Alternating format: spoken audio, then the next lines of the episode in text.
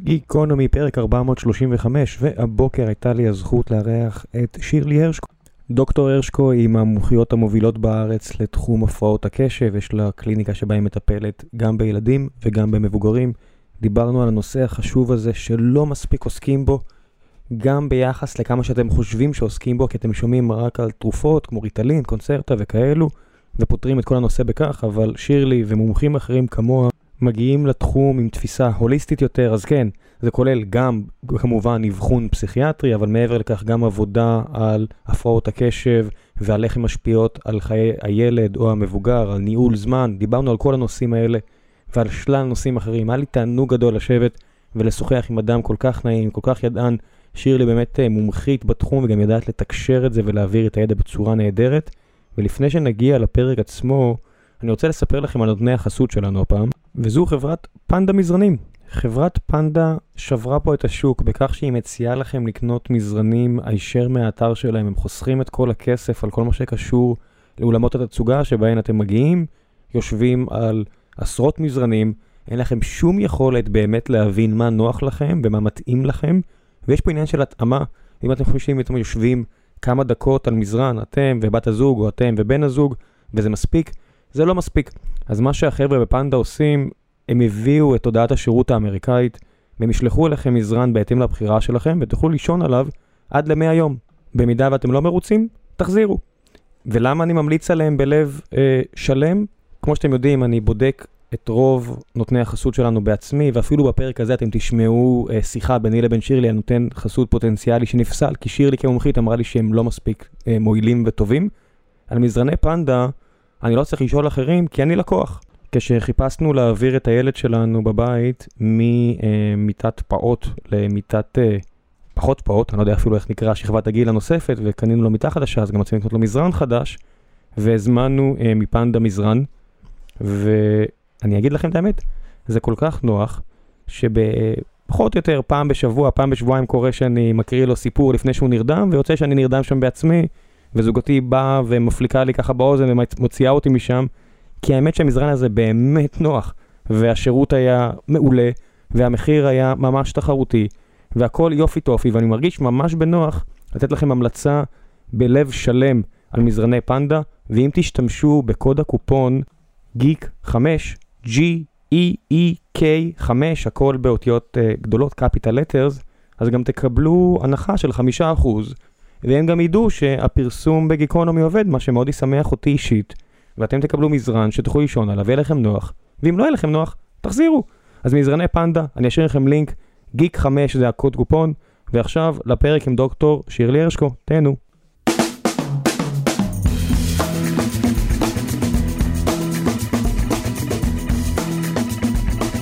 גיקונומי פרק 435, והבוקר יש לי הזכות לארח את דוקטור שירלי הרשקו. דוקטור, כן, בוקר טוב. בוקר אור. על מה היה הדוקטורט? אמרת לי על הפרעות קשב ותזונה? נכון, כן, ממש מעניין, וזה היה נושא מאוד חדש בזמנו. איך זה יכול להיות? איך... אה, זאת אומרת, כמה שנים ADHD וכל העניינים האלה ידועים כמה? עשרות שנים? כן, 70 שנה בערך. איך זה התחיל?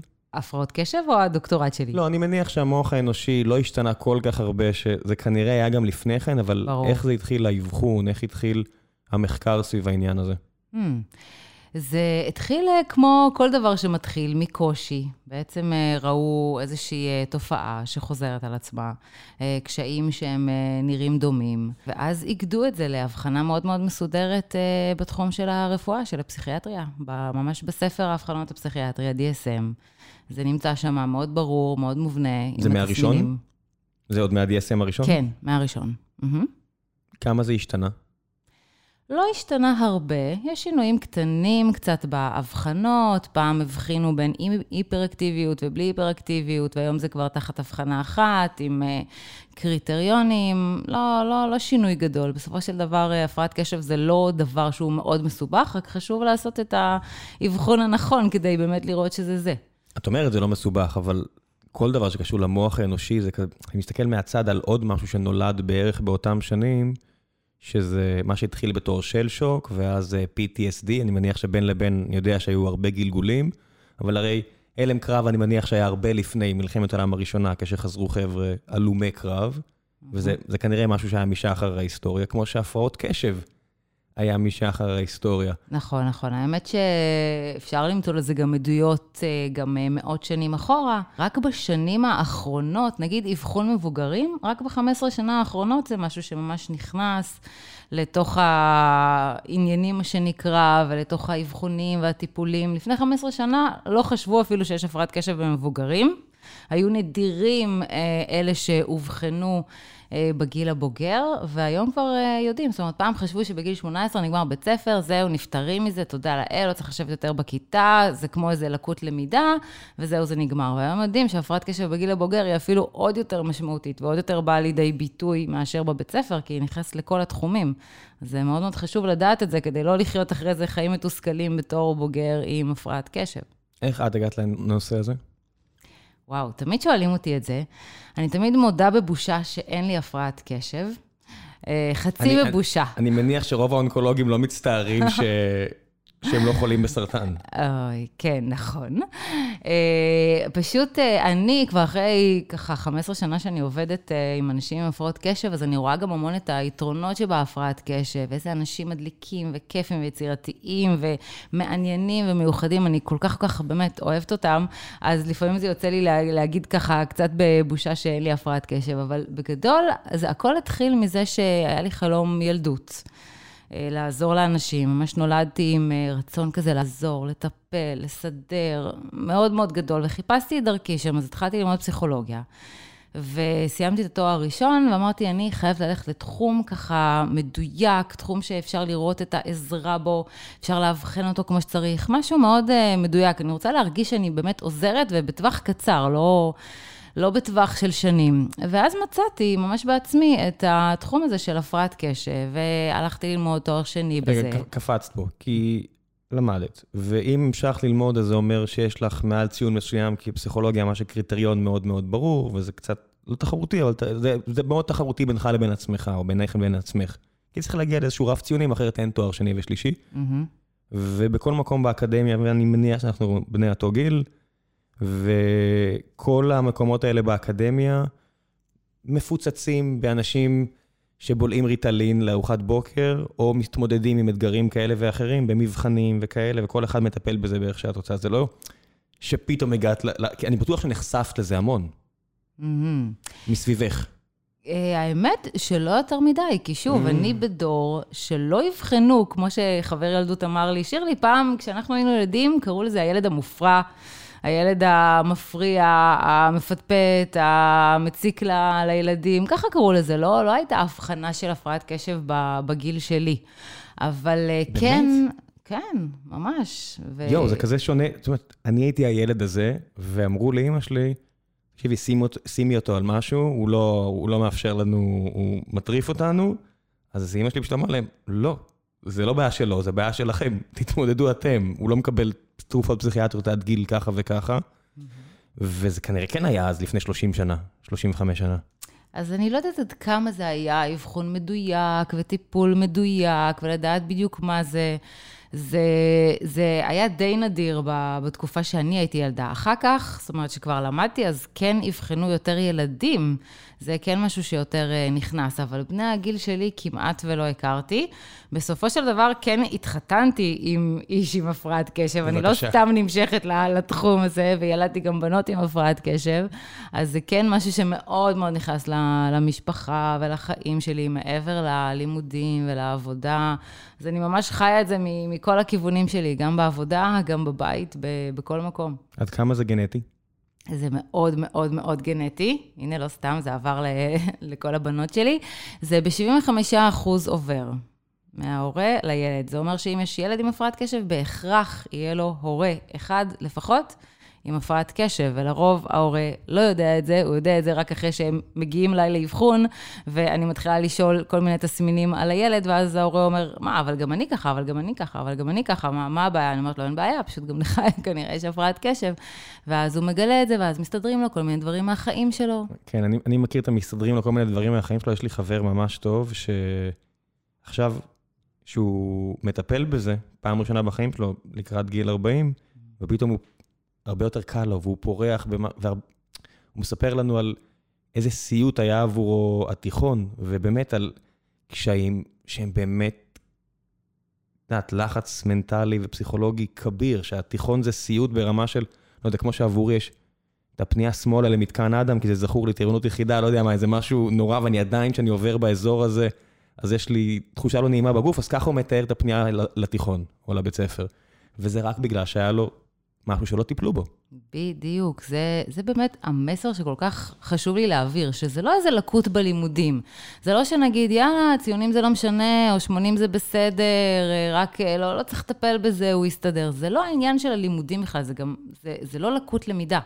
זה משהו שהוא הוא, הוא גם משליך על כל התחומים, חברתיים, תזונתיים, בעבודה, בהורות, בכל התחומים, אבל בעיקר מה שזה עושה לנפש. אם אתה חי חיים של בן אדם עם הפרעת קשב לא מאובחנת, זה בהכרח יפגע לך בנפש, אתה, אתה תרגיש פחות, אתה, הערך העצמי יורד, הביטחון העצמי יורד.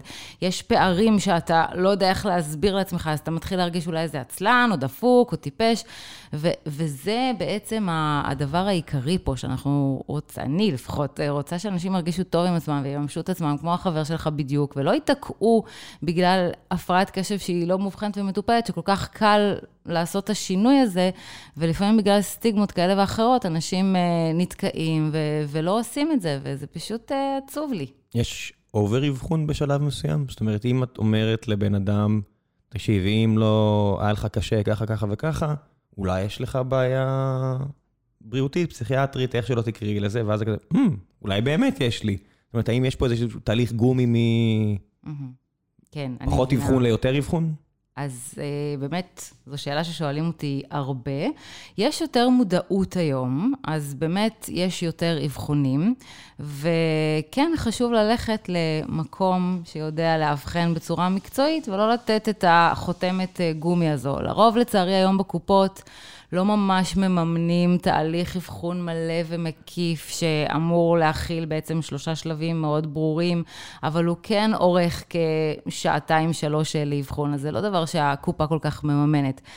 אז כן חשוב למצוא את המקום ואת הגורם המומחה והמקצועי שיאבחן כמו שצריך, וגם יראה אם זה לא משהו אחר, כי הרבה פעמים זה יכול להתחפש. זה יכול להתחפש אה, לחרדה, לדיכאון, ללחץ, ל-OCD, לפוסט-טראומה. יש, יש המון דברים שנראים כמו הפרעת קשב, אבל הם לא הפרעת קשב, אלא הם קשיי קשב, קושי להתרכז, אבל זה לא הפרעת קשב עצמה. ואם אנחנו נאבחן משהו בטעות, אז גם הטיפול אחר כך הוא לא יהיה מותאם, ואז אה, זה לא יעזור לבן אדם. אז כן חשוב לראות אם זה באמת הפרעת קשב, ויש דרך מאוד ברורה לעשות את זה, ש, שבאמת אנחנו פועלים לפיה, אבל חשוב ללכת למישהו שמומחה בזה, ממש לוודא שהוא מומחה באבחון הפרעת קשב.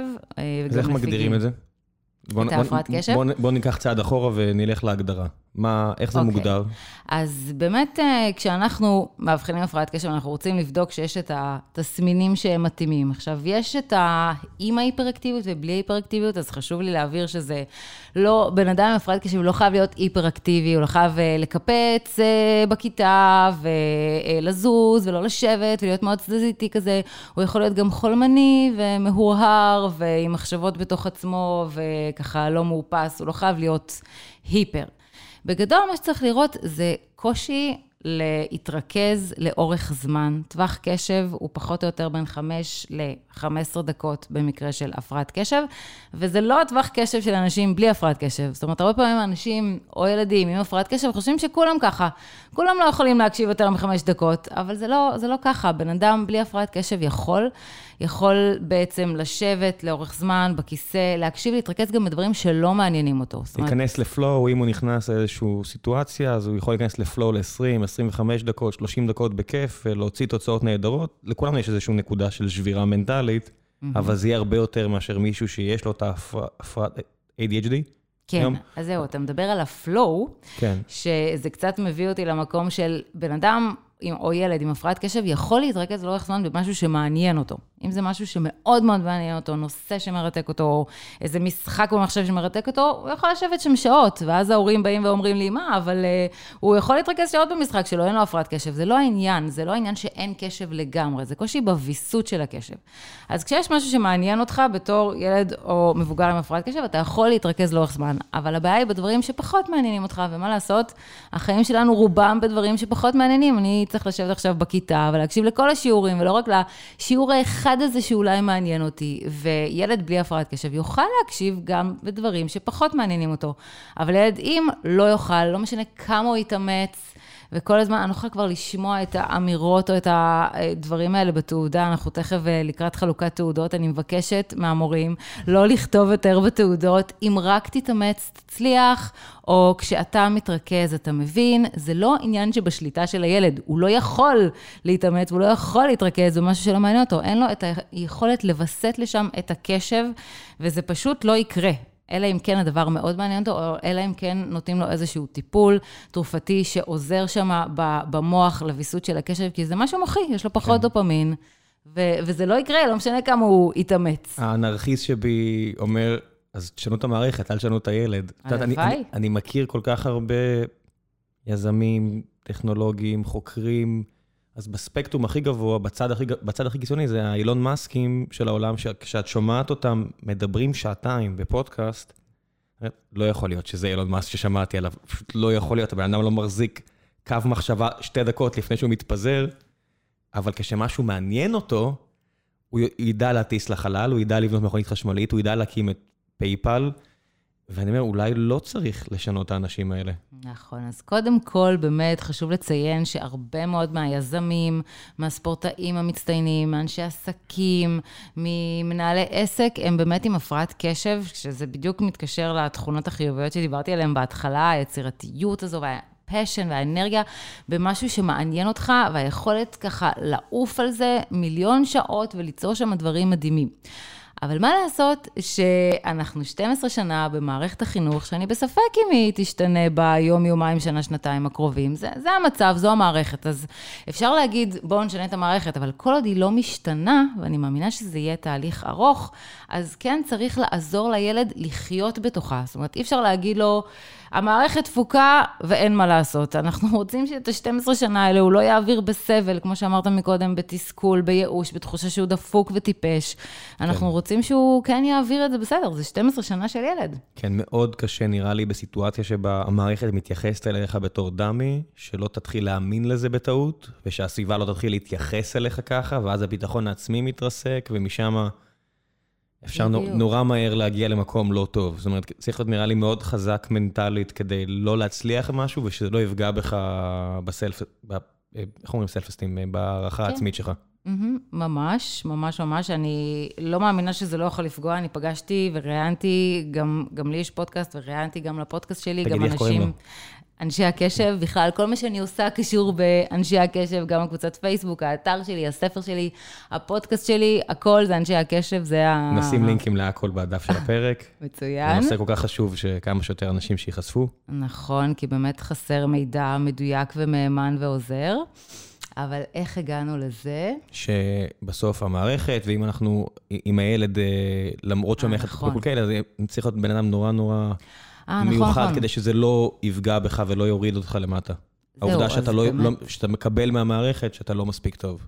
בדיוק. אז גם אנשים שראיתי שהם מאוד מצליחים, וגם מפורסמים, ולא משנה לאן הם הגיעו בחיים, יש להם את הצלקת הזאת מהבית ספר, שהם הרגישו שהם טיפשים, שהם הרגישו שהם לא בסדר, וזה משהו שממשיך ללכת איתם גם אחרי שהם מאוד מאוד מצליחים. הם לא שוכחים את זה, וזה כן עוצר אותם. זה, אם זה עצר אותם, מ, כמו שחנוך דאום אמר לי, מלעשות uh, תואר בפסיכולוגיה למשל, שעד היום מצטער שהוא לא עשה את התואר הזה בפסיכולוגיה, או מישהו אחר שאמר, uh, וואי, אני באמת איזה עשר שנים, אני סתם חיפשתי איזה בית ספר וחשבתי שאני טיפש, לא משנה כמה הוא מצליח היום. אז זה דבר שהוא... וזה האנשים המצליחים. עכשיו, יש גם אנשים שהם לא כאלה מפורסמים ומצליחים. הרוב המוחלט, ככה הרוב זה. הרוב המוחלט כן. לגמרי, וזה אנשים שאחר כך גדלים עם ערך עצמי נמוך, ובמיוחד אצל נשים, אגב. זה מביא אותם למקומות של דיכאון וחרדה ו- ותחושה ממש של חוסר ערך, ש- שזה פשוט, וזה נשים שיכולות להיות סופר אינטליגנטיות, ממש ממש ממש עם רמת אינטליגנציה מאוד גבוהה וכישורים מאוד גבוהים, אבל בגלל החוויות האלה שהם עברו בבית ספר, שהם לא הצליחו, וזה מה שבנה להם את הערך העצמי, אז זה תוקע אותם, וזה פשוט עצוב. כן, מי שלא זוכה לפריבילגיה של משפחה תומכת, סביבה תומכת והכול, שרק מרימים אותך כשאתה נופל, שזה הפריבילגיה האמיתית, יותר מכסף, יותר מהכל בעיניי, וכשאתה נופל ואף אחד לא מרים אותך, אתה הרבה פעמים פשוט תישאר למטה. Mm. זאת אומרת, נורא קל להגיד למישהי, אה, היא לא טובה במתמטיקה, חשבון, חשיבה אה, כי כל הנשים לא כאלה, וזהו.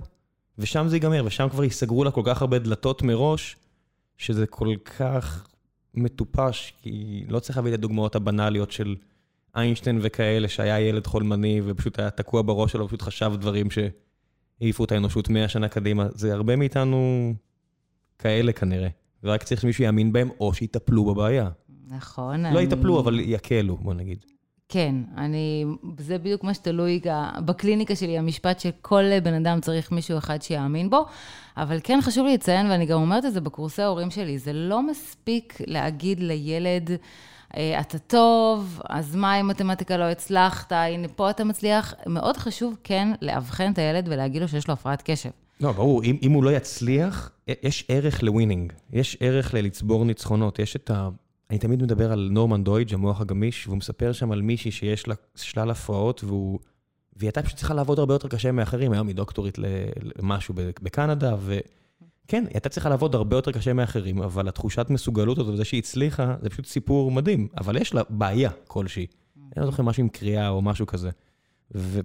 אבל צריך סתם להגיד למישהו שהוא יהיה בסדר צ'אמפ, את תהיי בסדר, הכל בסדר, לא, עדיין צריך לנצח. נכון, וגם לא להגיד שציונים זה לא חשוב וש-80 זה בסדר, זה, זה חשוב מה הילד מרגיש. ואם הוא מרגיש שיש פערים, ואם הוא מרגיש שיש קושי, אז לטפל בזה, לבדוק את זה, לא, לא מה שנקרא למרוח את זה, אפילו לא מכוונה טובה. אם הילד מרגיש שמשהו קשה שם, אז צריך למצוא מה, מה נמצא שם ואיך אפשר לעזור לו בזה. כן, וגם המחשבה הזאת של ADHD, אה, זה רק ללימודים שלא מעניינים במערכת ה... מיושנת הזו, לא, גם כשאת ספורטאי וגם כשאת מוזיקאית וחוקרת ולא יודע מה, יש מלא חלקים בעבודה שהם משעממים ולא סקסים בעליל. ואנשים חושבים, יזמים, אה, זה הכל מעניין. לא, אתה צריך להתעסק בקוגס ובכל מיני דברים כאלה, לא משנה מה זה, דברים חשבונאיים, ואתה צריך להכין מצגות, ואתה צריך להכין דברים שהם הכי לא מרגשים שיש. ואם אין לך את היכולת לשבת ולהתמודד עם זה, זה לא יקרה. ממש ממש, ואנשים נופלים על הדברים הקטנים האלה, אנשים סופר סופר מוכשרים, הפרעת קשב, שלא יכולים להסתדר עם בירוקרטיה, מה לעשות, וטיפסיאדה, וכל המשימות הפחות מעניינות שהם צריכים לשבת לאורך זמן, ואז הם לא מצליחים לעשות את זה, אז הם חושבים שהם לא מתאימים והם מוותרים. וחבל, כי באמת באמצעות טיפול, בין אם תרופתי ובין אם אסטרטגיות, ככה, ארגון זמן, אני בדיוק פותחת אה, באמת קורס ארגון זמן, ויש שם מלא אנשים סופר מוכשרים, שפשוט צריכים את, ה, את הכלים האלה, וזה כלים פשוטים, זה לא משהו מסובך, אבל הם צריכים את ההתאמה הזאת, צריכים להתאים את עצמם למערכת הזאת עם מה שיש להם.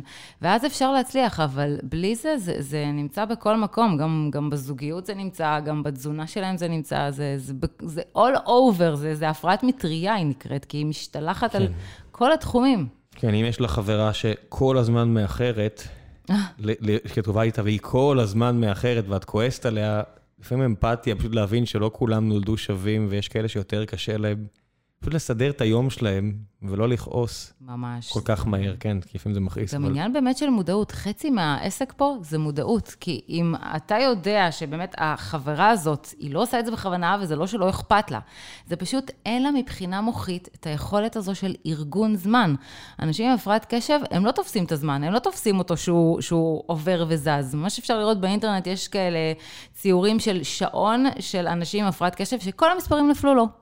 ככה נראה השעון שלהם. הם לא תופסים את הזמן שזז, הם לא יודעים לתכנן אותו. הארגון בבוקר בדיוק באמת סיפרה לי מישהי שהבן זוג שלה רצה להציע לה נישואין ותכנן יום שלם כזה של uh, הצעת נישואין, והיא פשוט לא קמה בזמן, לא התארגנה בזמן, זה חרב את כל היום.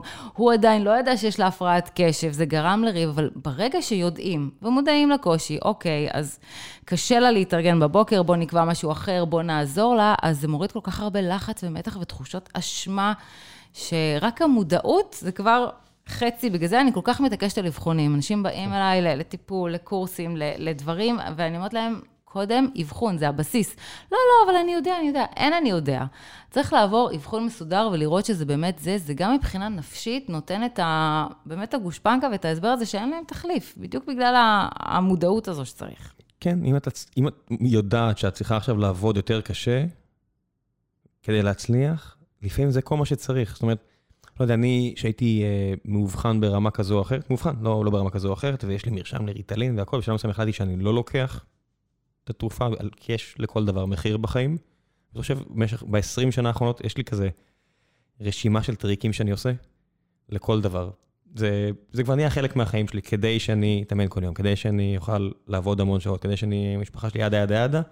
זה רשימה אינסופית של טריקים שאני עושה בצורה כמעט דתית, וזה עובד. כל אחד צריך למצוא בסוף מה עובד לו, וזה זה בעיה, את, את מדריכה הרבה אנשים.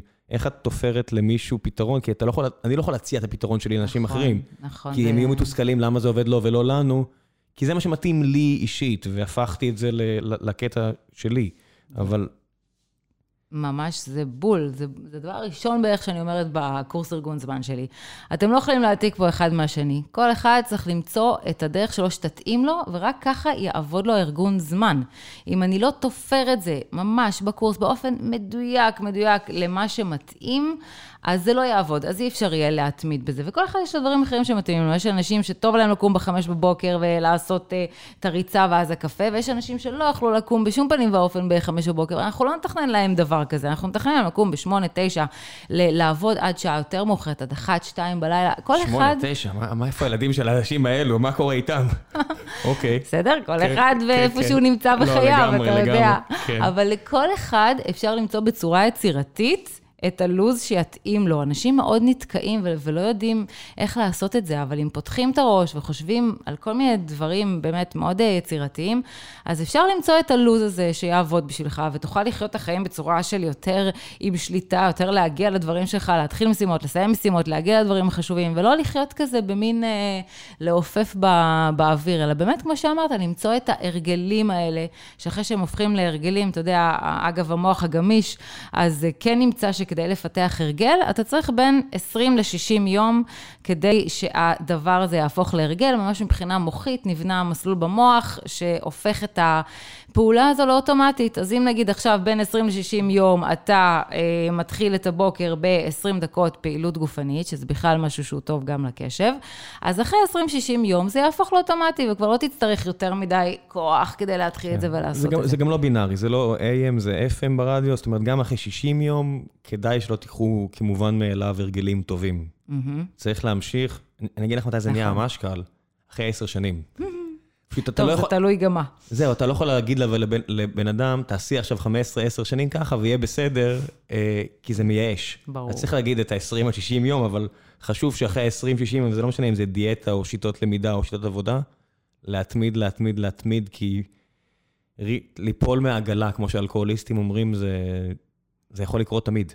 תמיד קל לשקוע, כי זה הנטייה הטבעית של אנשים עם בעיה כזו או אחרת. נכון, נכון לגמרי. אני התכוונתי שאחרי 20 60 יום זה הופך להיות יותר קל. כן. לא שיותר לא צריך לעשות משהו כדי, uh, כדי שזה יקרה, אבל באמת בגלל זה חשוב לעשות את התפירה הזו של הארגון יום שלך, של הארגון זמן, בצורה שהיא מתאימה ונוחה ומותאמת למטרות שלך, ואז גם הרבה יותר קל לעשות את זה. זאת אומרת, גם המטרות והדברים הם צריכים להיות לא דברים קשים, אלא דברים ש... שיראו לך יותר פשוטים, יותר קטנים, כדי שתצליח לעשות את זה. כן, לעשות את הצעד הראשון. כל הקלישאות האלה הן נורא נורא נורא נכונות. בסוף צריך נכון. לעשות את הצעד הראשון ו- וללכת אותו, אבל בואי בוא נוריד את זה לקרקע ובואי נתחיל לדבר על uh, דברים פרקטיים. דבר ראשון, פיל בחדר, um, תכשירי פלא וסילבר בולט וכל הדברים שאני פחות מאמין בהם בחיים, אבל הם נמצאים בכל מקום. מהתכשירים שהם וואו, איך אומרים over the counter בעברית? אה, בלי מרשם, נכון? זה, זה ההגדרה? כן. אוקיי, תכשירי הבלי מרשם, ועד לתרופות שאם אתה לוקח אותה מהבית מרקחת, אתה צריך להשאיר את השם שלך ומספר טלפון. אה, יש מגוון ענק היום, שמיועד ל-ADHD, מה עובד ומה פחות עובד, שוט, בוא נתחיל, בוא נקדיש כמה דקות לעניין הזה, כי צריך להתייחס לזה, ואז נעבור לדברים שאני מעדיף לדבר עליהם, שזה שיטות, אבל בוא נתחיל עם uh, תכשירים. בסדר דעת, גמור. דעתך האישית. אוקיי, אז זה לא רק דעה אישית, זה באמת משהו שהוא מבוסס גם קלינית, גם אני רואה את זה בטיפולים שלי, וגם מחקרית. המנחה של הפוסט-דוקטורט שלי באנגליה, הוא ממש חוקר מוביל מאוד של התחום התרופתי, פרופסור קורטיז, והוא בעצמו ערך מחקר ענק, ענק, ענק, ענק, עולמי, שבדק באמת את כל המחקרים בתחום של הטיפול התרופתי.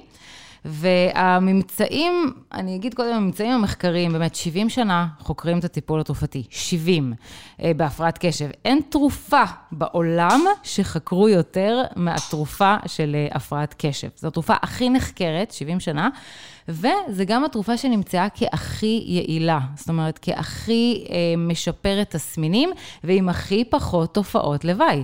ולמרות... כל הדברים האלה שנמצאו מחקרית בצורה כזאת אה, מדהימה, אז, אז כן, יש לה, יש לה שם רע, יש לה מה שנקרא אה, אה, פרסום רע, אבל זה לא מבוסס מחקרית. מחקרית, 70 שנה, התרופה הכי יעילה במגוון התרופות ועם הכי פחות תופעות לוואי, ובאמת היום גם יש 20... סוגים ו- ומינונים שונים, אז גם חשוב ללכת לרופא ולהתאים את מה שמתאים לך. אם אתה מרגיש תופעות לוואי, תחזור לרופא, תחזור למעקב, למישהו מומחה, הוא ימצא לך משהו שיותר מתאים. זה מבחינה מחקרית. זה הכל אותו חומר? אה, לא, זה, חומר, זה חומרים שונים, יש סוגים שונים, לא, לא ניכנס בדיוק לאיזה תרופות, אבל, כן.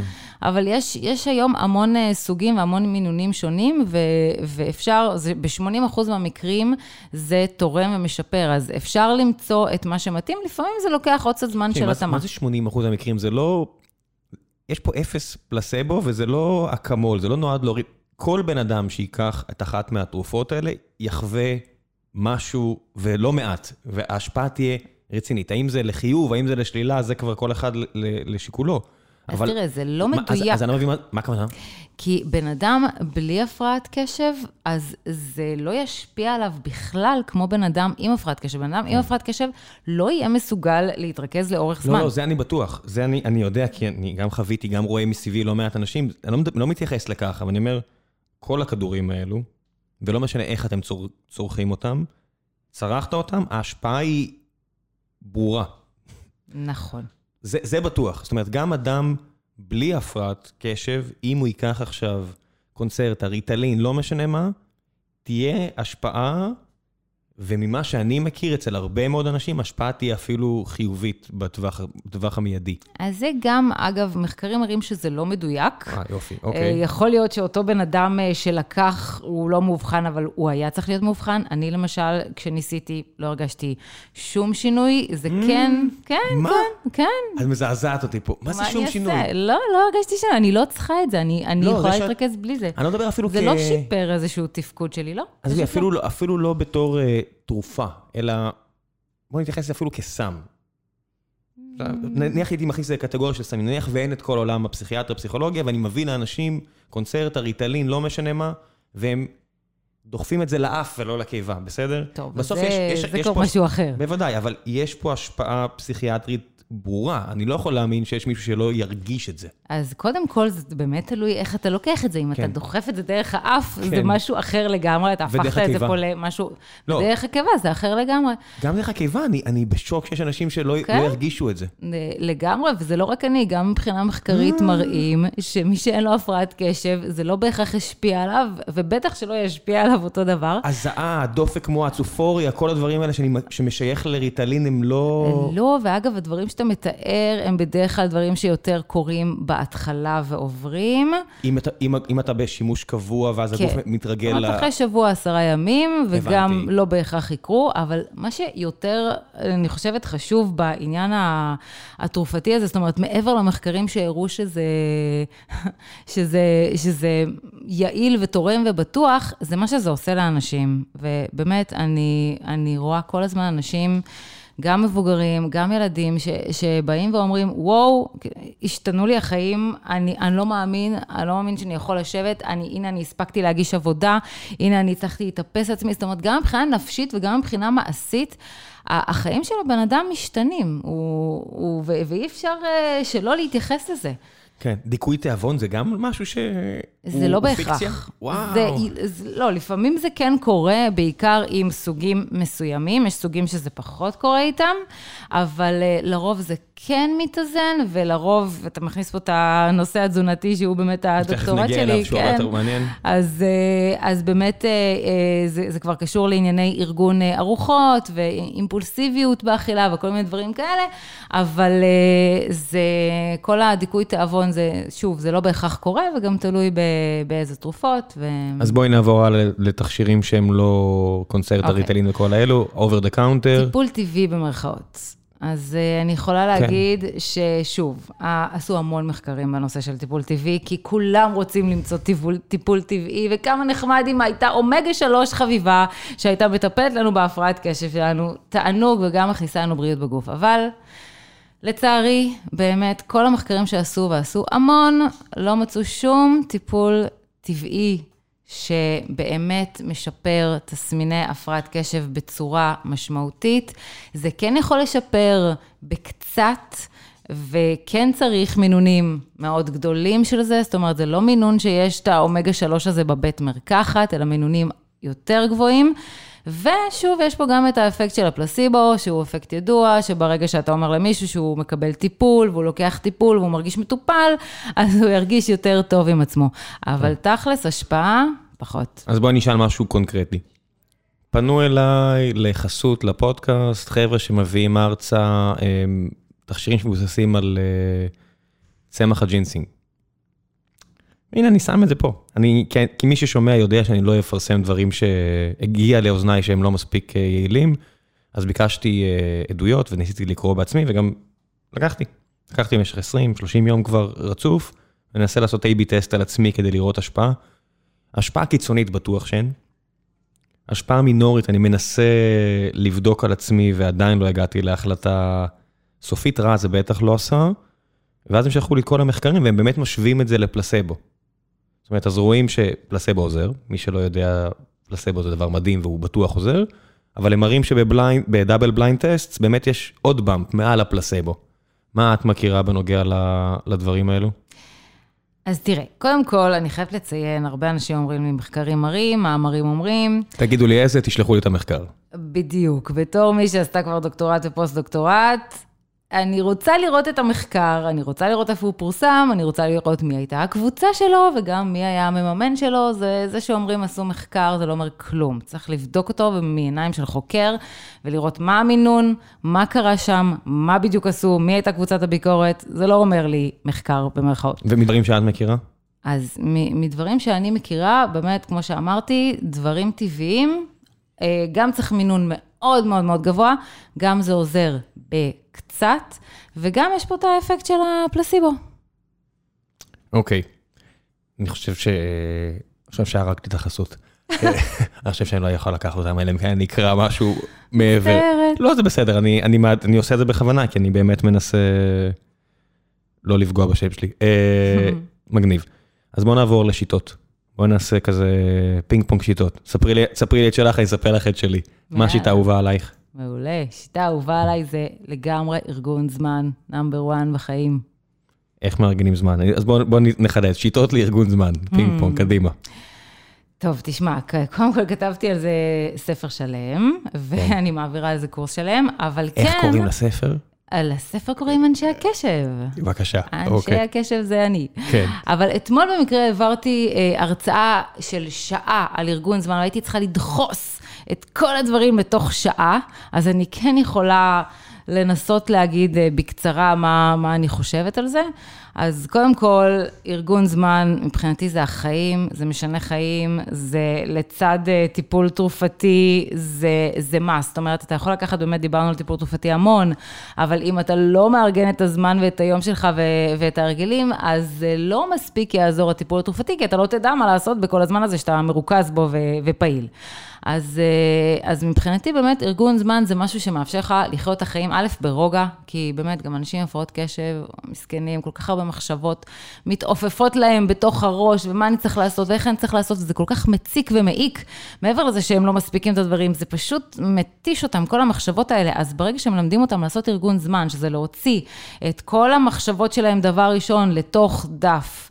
ממש את כל המשימות שיש שם מסתובבות שם בראש, לכתוב הכל בדף, דבר ראשון, אבל זה, זה הדבר הראשון, זה לא, זה לא להיתקע פה. שוב, הרבה אנשים, הנה, עשיתי רשימה, יש לי מלא רשימות, רשימה למקרר, רשימה בארנק, יש לי מלא רשימות, אבל אני עדיין לא מצליח.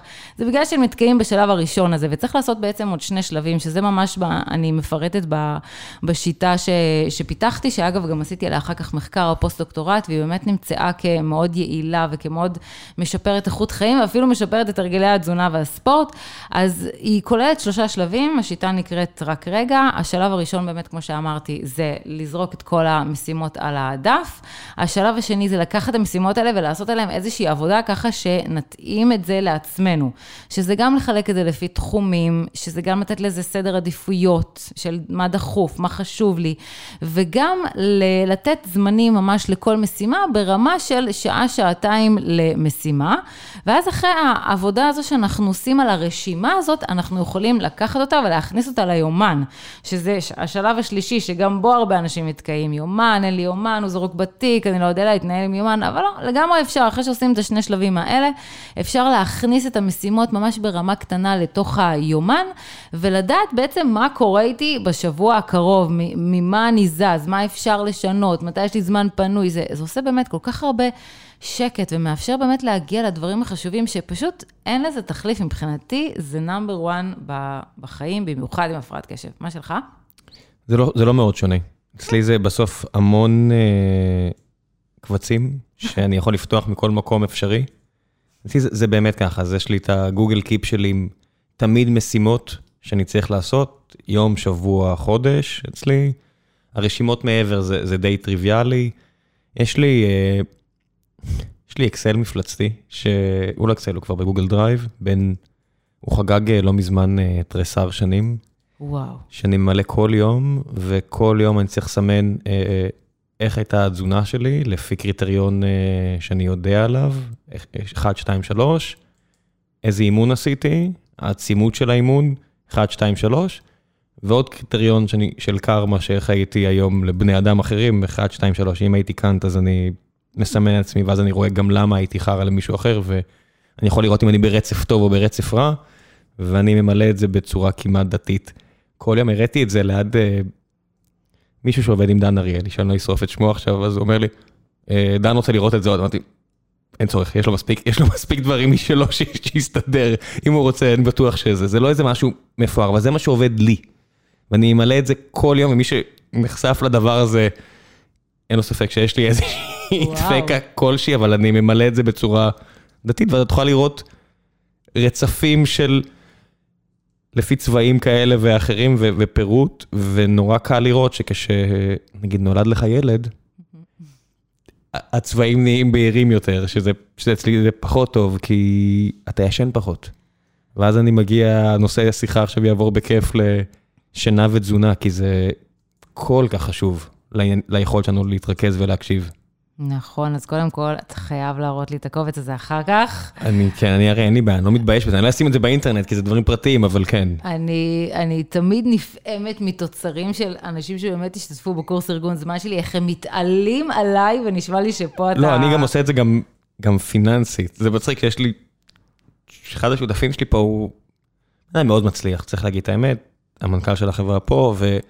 הוא פעם אמר לי, תראה לי את ה... בלי לדעת שאני עושה כזה, עושה לי, תראה לי את האקסל שאתה עושה למשק בית, ואמרתי לו, איך אתה יודע שיש? תראה, תראה. אנחנו משווים, אני אומר, די דומה. וכל אחד מאיתנו עשה כלים אה, דומים מאוד בסוף. זה עניין של שליטה, ואצלי זה גם היה עניין של אה, של השעה, של השעון. יש לי כזה איזה, איזה קטע ש... שהשתחררתי, אז נפצעתי בסוף השירות, או השירות שלי בצבא נסתיים בגלל פציעה, והיה לי כמה שבועות, חודשים של אה, ריפוי בעיסוק, טיפול, פיזיותרפיה, כל הדברים האלה כדי uh, לטפל בזה, כמו, כמו המוח, גם הגוף, אם קורה משהו צריך לטפל בזה. וישבתי עם החבר'ה שלי, והם... ואתה אנשים בני 21, אחרי צבא, אין לך יותר מדי מחויבות. ושיחקנו איזה משהו, והם רואים אותי כל עשר דקות מסתכל בשעה, ואיזה חבר מאוד טוב שלי, שהרגעתי, הוא אומר לי, שלוש בבוקר, אחוז, מה אתה עושה? תגיד לי, מה יש לך, איזה דפקט, למה אתה כל עשר דקות? אני צריך לדעת מה השעה.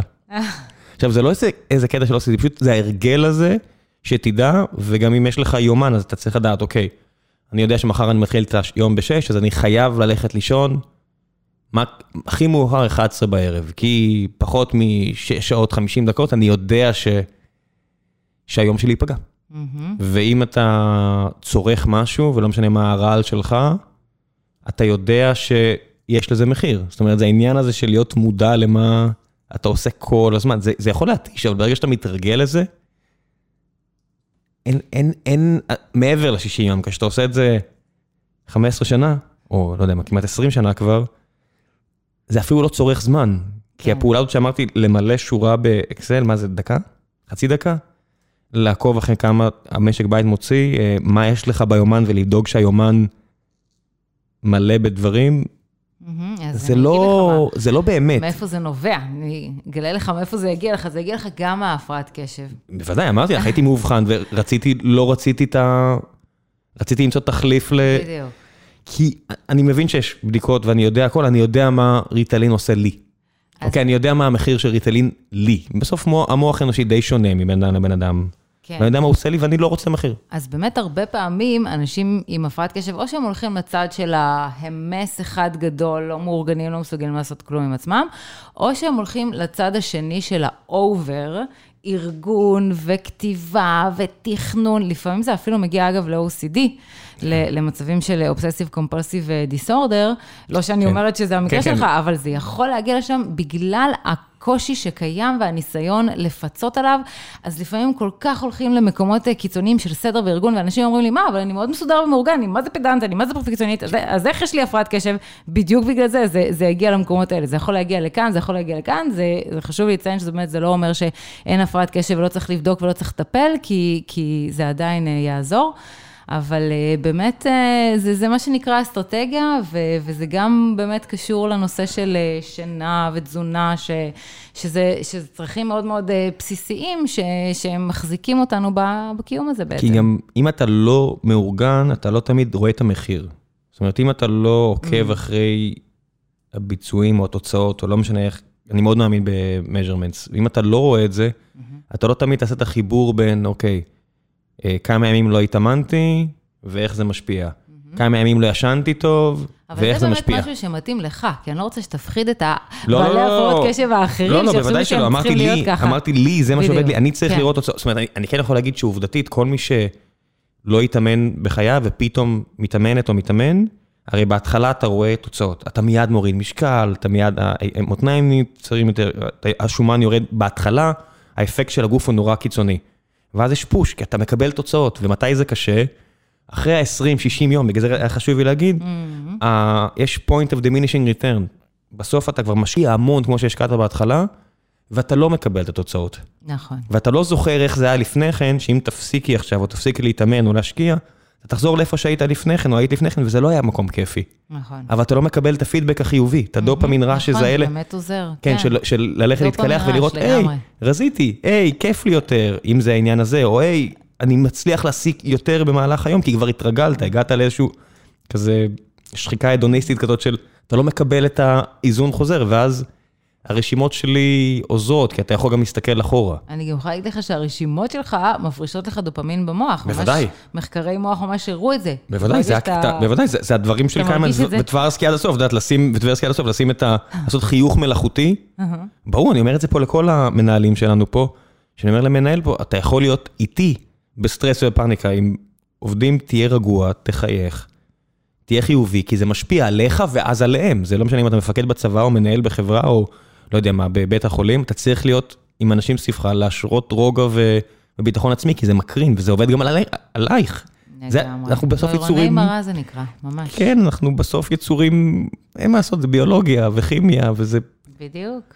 זה פשוט ככה. אז מה המחקרים מראים על תזונה? זאת אומרת, מה נכון עובדתית מעבר? מה פוגע, מה עוזר, מה לא עוזר? שהוא אוקיי. כן נכון, נגיד, מעבר לאני ואת? אז מחקרים על תזונה. אז uh, בגדול, כשאני התחלתי את הדוקטורט שלי, כמעט ולא היה בתחום הזה אה, מידע, והיום כבר יש הרבה יותר. אז uh, מבחינת, אני אחלק את זה לשניים, איך תזונה משפיעה על הפרעת קשב ואיך הפרעת קשב משפיעה על תזונה. אז איך תזונה משפיעה על הפרעת קשב, אם מה שאנחנו אוכלים, אם זה גורם, זה לא יכול לגרום, נתחיל מזה. מה שאנחנו אוכלים לא יגרום להפרעת קשב. אני יכולה לאכול ג'אנק כל היום, זה לא יגרום לי להפרעת קשב, מהסיבה הברורה שהפרעת קשב היא מולדת. אנחנו לא יודעים איתה, או שנולדנו איתה, או שלא נולדנו איתה. היא לא אה, תתפתח לנו אם אכלנו אה, נקניקייה. אה, וזה באמת חשוב ממש לציין שזה משהו נוירולוגי, זה מוחי, זה, זה מוח אחר, זה, זה נוירוטרנסמיטורים אחרים, זה משהו מולד. אז תזונה לא תגרום לי להפרעת קשב, זה, זה הבסיס. עכשיו, כן, בדקו אם דברים מסוימים בתזונה יחריפו את תסמיני הקשב. אה, נגיד, יעשו את הילד יותר היפר, היפראקטיבי או פחות מרוכז, אז גם פה חשוב לי לציין, בגדול, תזונה היא לא משפיעה בצורה משמעותית על הפרעת הקשב. זאת אומרת, אנחנו לא נוכל לטפל בתזונה בהפרעת קשב. שוב, בהמשך ל... בהפרעת קשב עם תזונה. אה, בהפרעת קשב עם תזונה, כן, כן, כן. כן. בהמשך למה שאמרתי מקודם, למחקרים שמצאו שטיפול טבעי לא עוזר. אז אה, כן אה, מצאו שנגיד צבעי מאכל יכולים אולי טיפה להעלות את התסמיני קשב, אבל לא ברמה שמתקרבת לטפל בהפרעת קשב, ללהוריד תסמיני קשב. צבעי מאכל, אני חשבתי על סוכר. אז דווקא סוכר, אה, כשיעשו דיאטות אה, נטולות סוכר, זה, זה לא נמצא כמשנה. Mm. כן, כן, אני יודעת שיש ככה דיבור שלם על ענייני סוכר.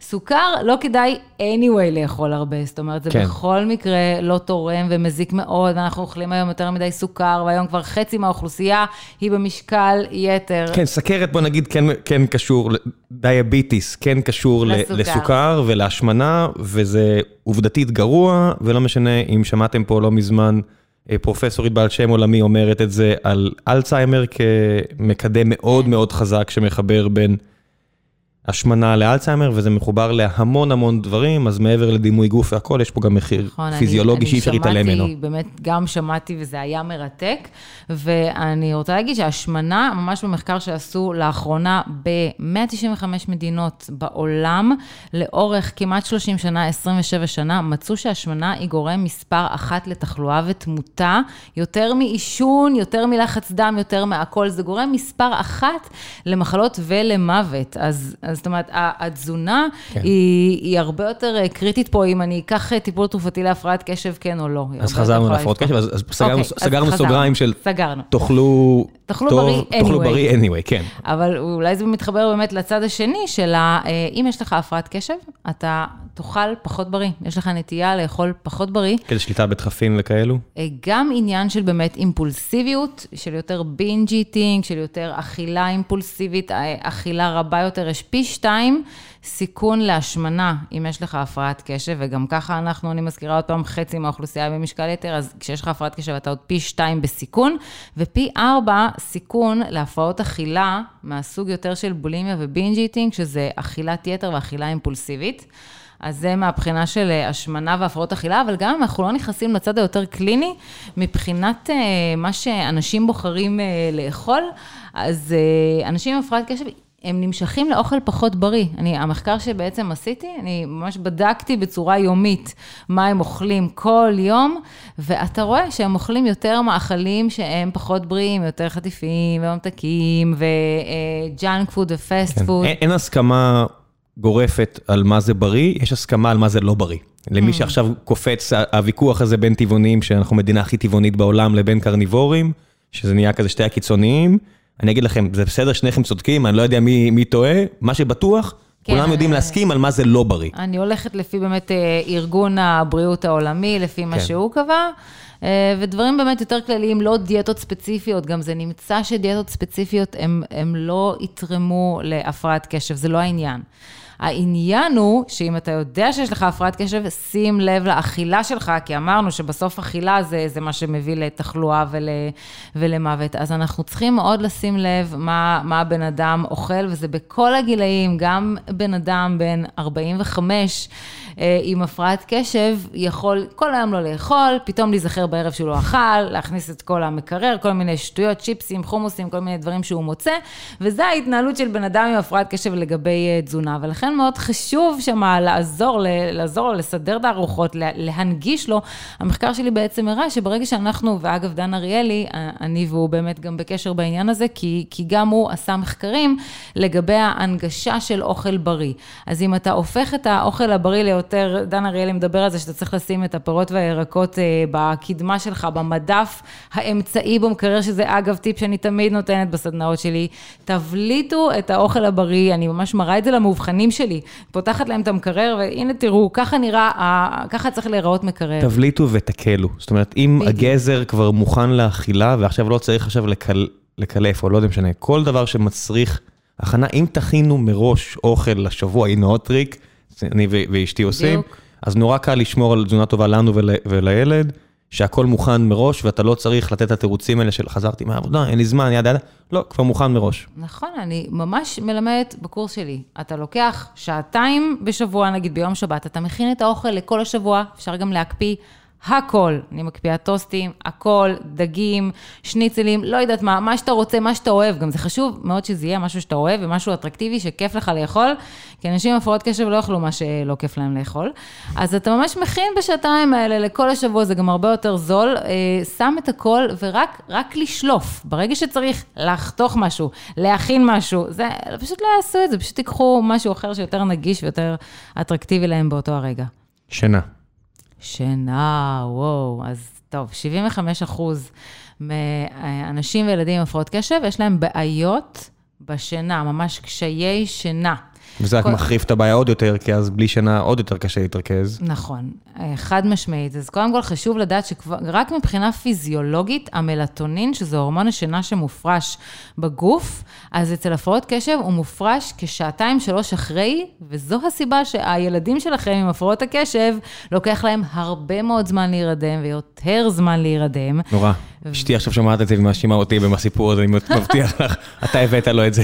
אה, כן, אתה מרגיש את ההאשמות האלה. לא, לא. תזכיר לי אחר כך לדבר, אגב, על הורים עם הפרעת קשב והורים בלי הפרעת קשב, ואיך הם מגיבים שונה לילד שלהם, למה יש פה מחקר של 20 שנה על התחום הזה ומאוד מעניין. לא, לא, אנחנו שנינו עם זה ואנחנו מסתדרים, זה יופי, אנחנו משתמשים במלא טריקים גם איתו.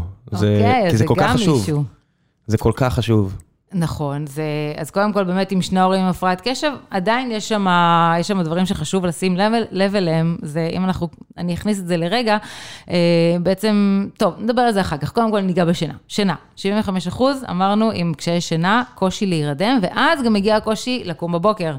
ולזה מתווסף הקושי בהתארגנות, אז זה בלגן שלם בקימה בבוקר, וזה, ויכולים להיות גם אה, אפיזודות של קימה באמצע הלילה, התעוררויות, שינה לא רציפה, שינה קצרה מאוד או שינה ארוכה מאוד. בעצם כל דבר שהוא חורג מנורמת השינה, מתקשר שם חזק חזק להפרעות קשב, באמת רוב האנשים יסבלו מקשיים בשינה. ואני חושבת שאפשר להתמודד עם זה בשתי דרכים. דרך אחת, זה פשוט להכיר בזה, להודות בזה, להבין את זה, שהילד או המבוגר ירדם בשעה יותר מאוחרת, או יצטרך פחות שעות, או יותר שעות, או... תשמעי, יש אה, דברים שאפשר לעשות, זאת אומרת, אם יש דברים שהם מוכנים, אור נכון, כחול, מסך, נכון. נחשפת למסך, נורא קשה להירדם. אכלת המון, לרוב המוחלט של אנשים יהיה קשה להירדם.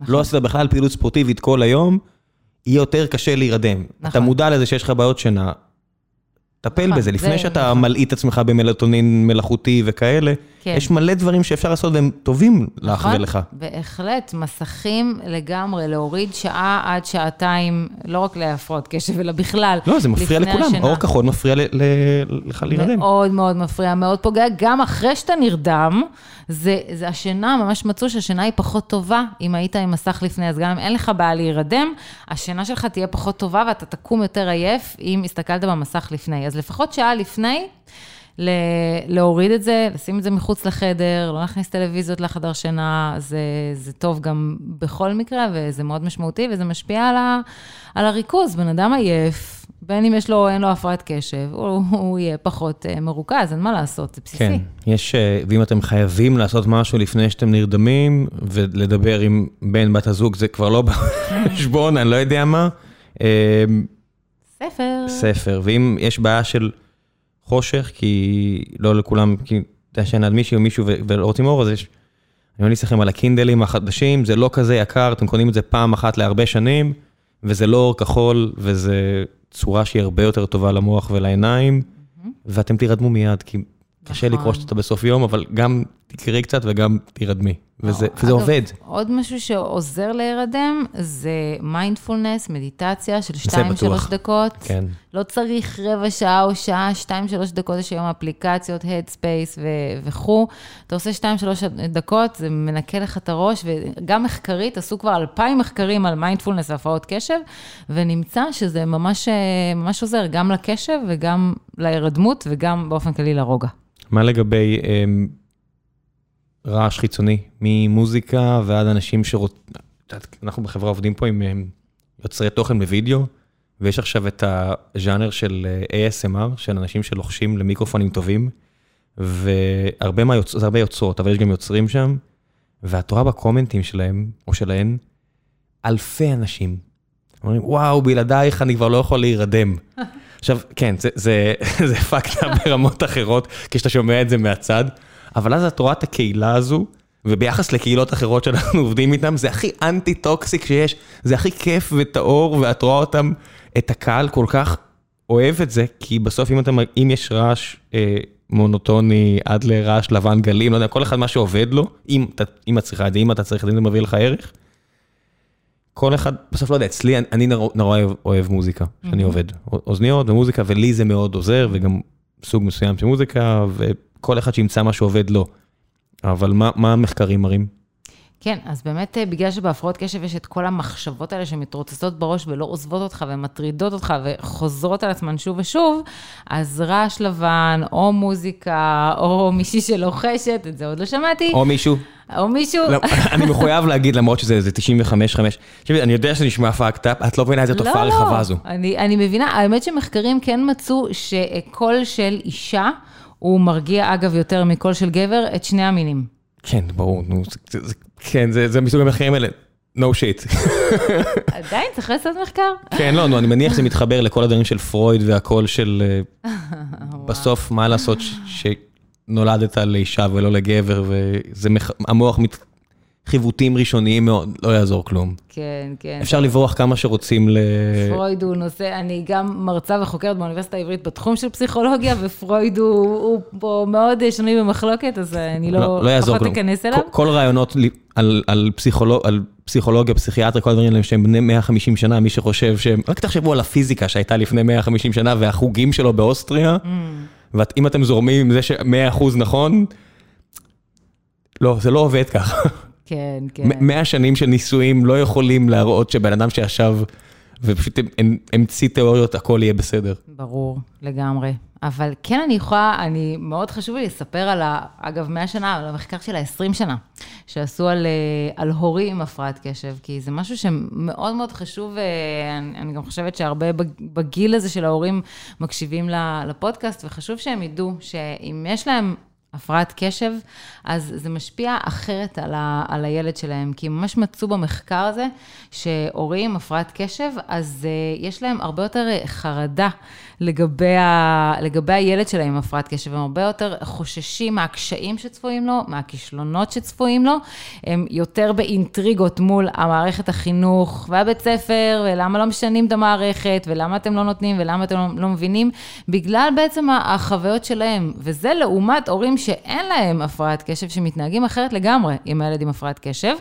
אה, כי להם ו- היה בסדר, כי להם הייתה חוויה כיפית בתיכון. הם פחות מבינים את זה בדיוק, ואז אבל יש יותר לחץ. בעצם יש יותר לחץ ויותר כעס על הילד, בגלל שקשה להם להבין, אז, אז הם יותר יכולים להתעצבן אה, עליו, ולכן זה כן חשוב לתת את המידע, את המודעות ואת היחס, כדי להוריד את כל הדבר הזה ולהפחית את הסיר, ה- סיר הלחץ הזה שבבית ש, שיכול אה, ואמפתיה. לקרות. תמיד חיבוק. תמיד חיבוק עדיף על להרים את הכל, בכל סיטואציה. אם, אם אפשר, זה, זה חיבוק לא תמיד בא בקלות. לא, זה קשה, זה, יש סיטואציות שזה סופר קשה, וזה תמיד משהו שבדיעבד כנראה היה נכון.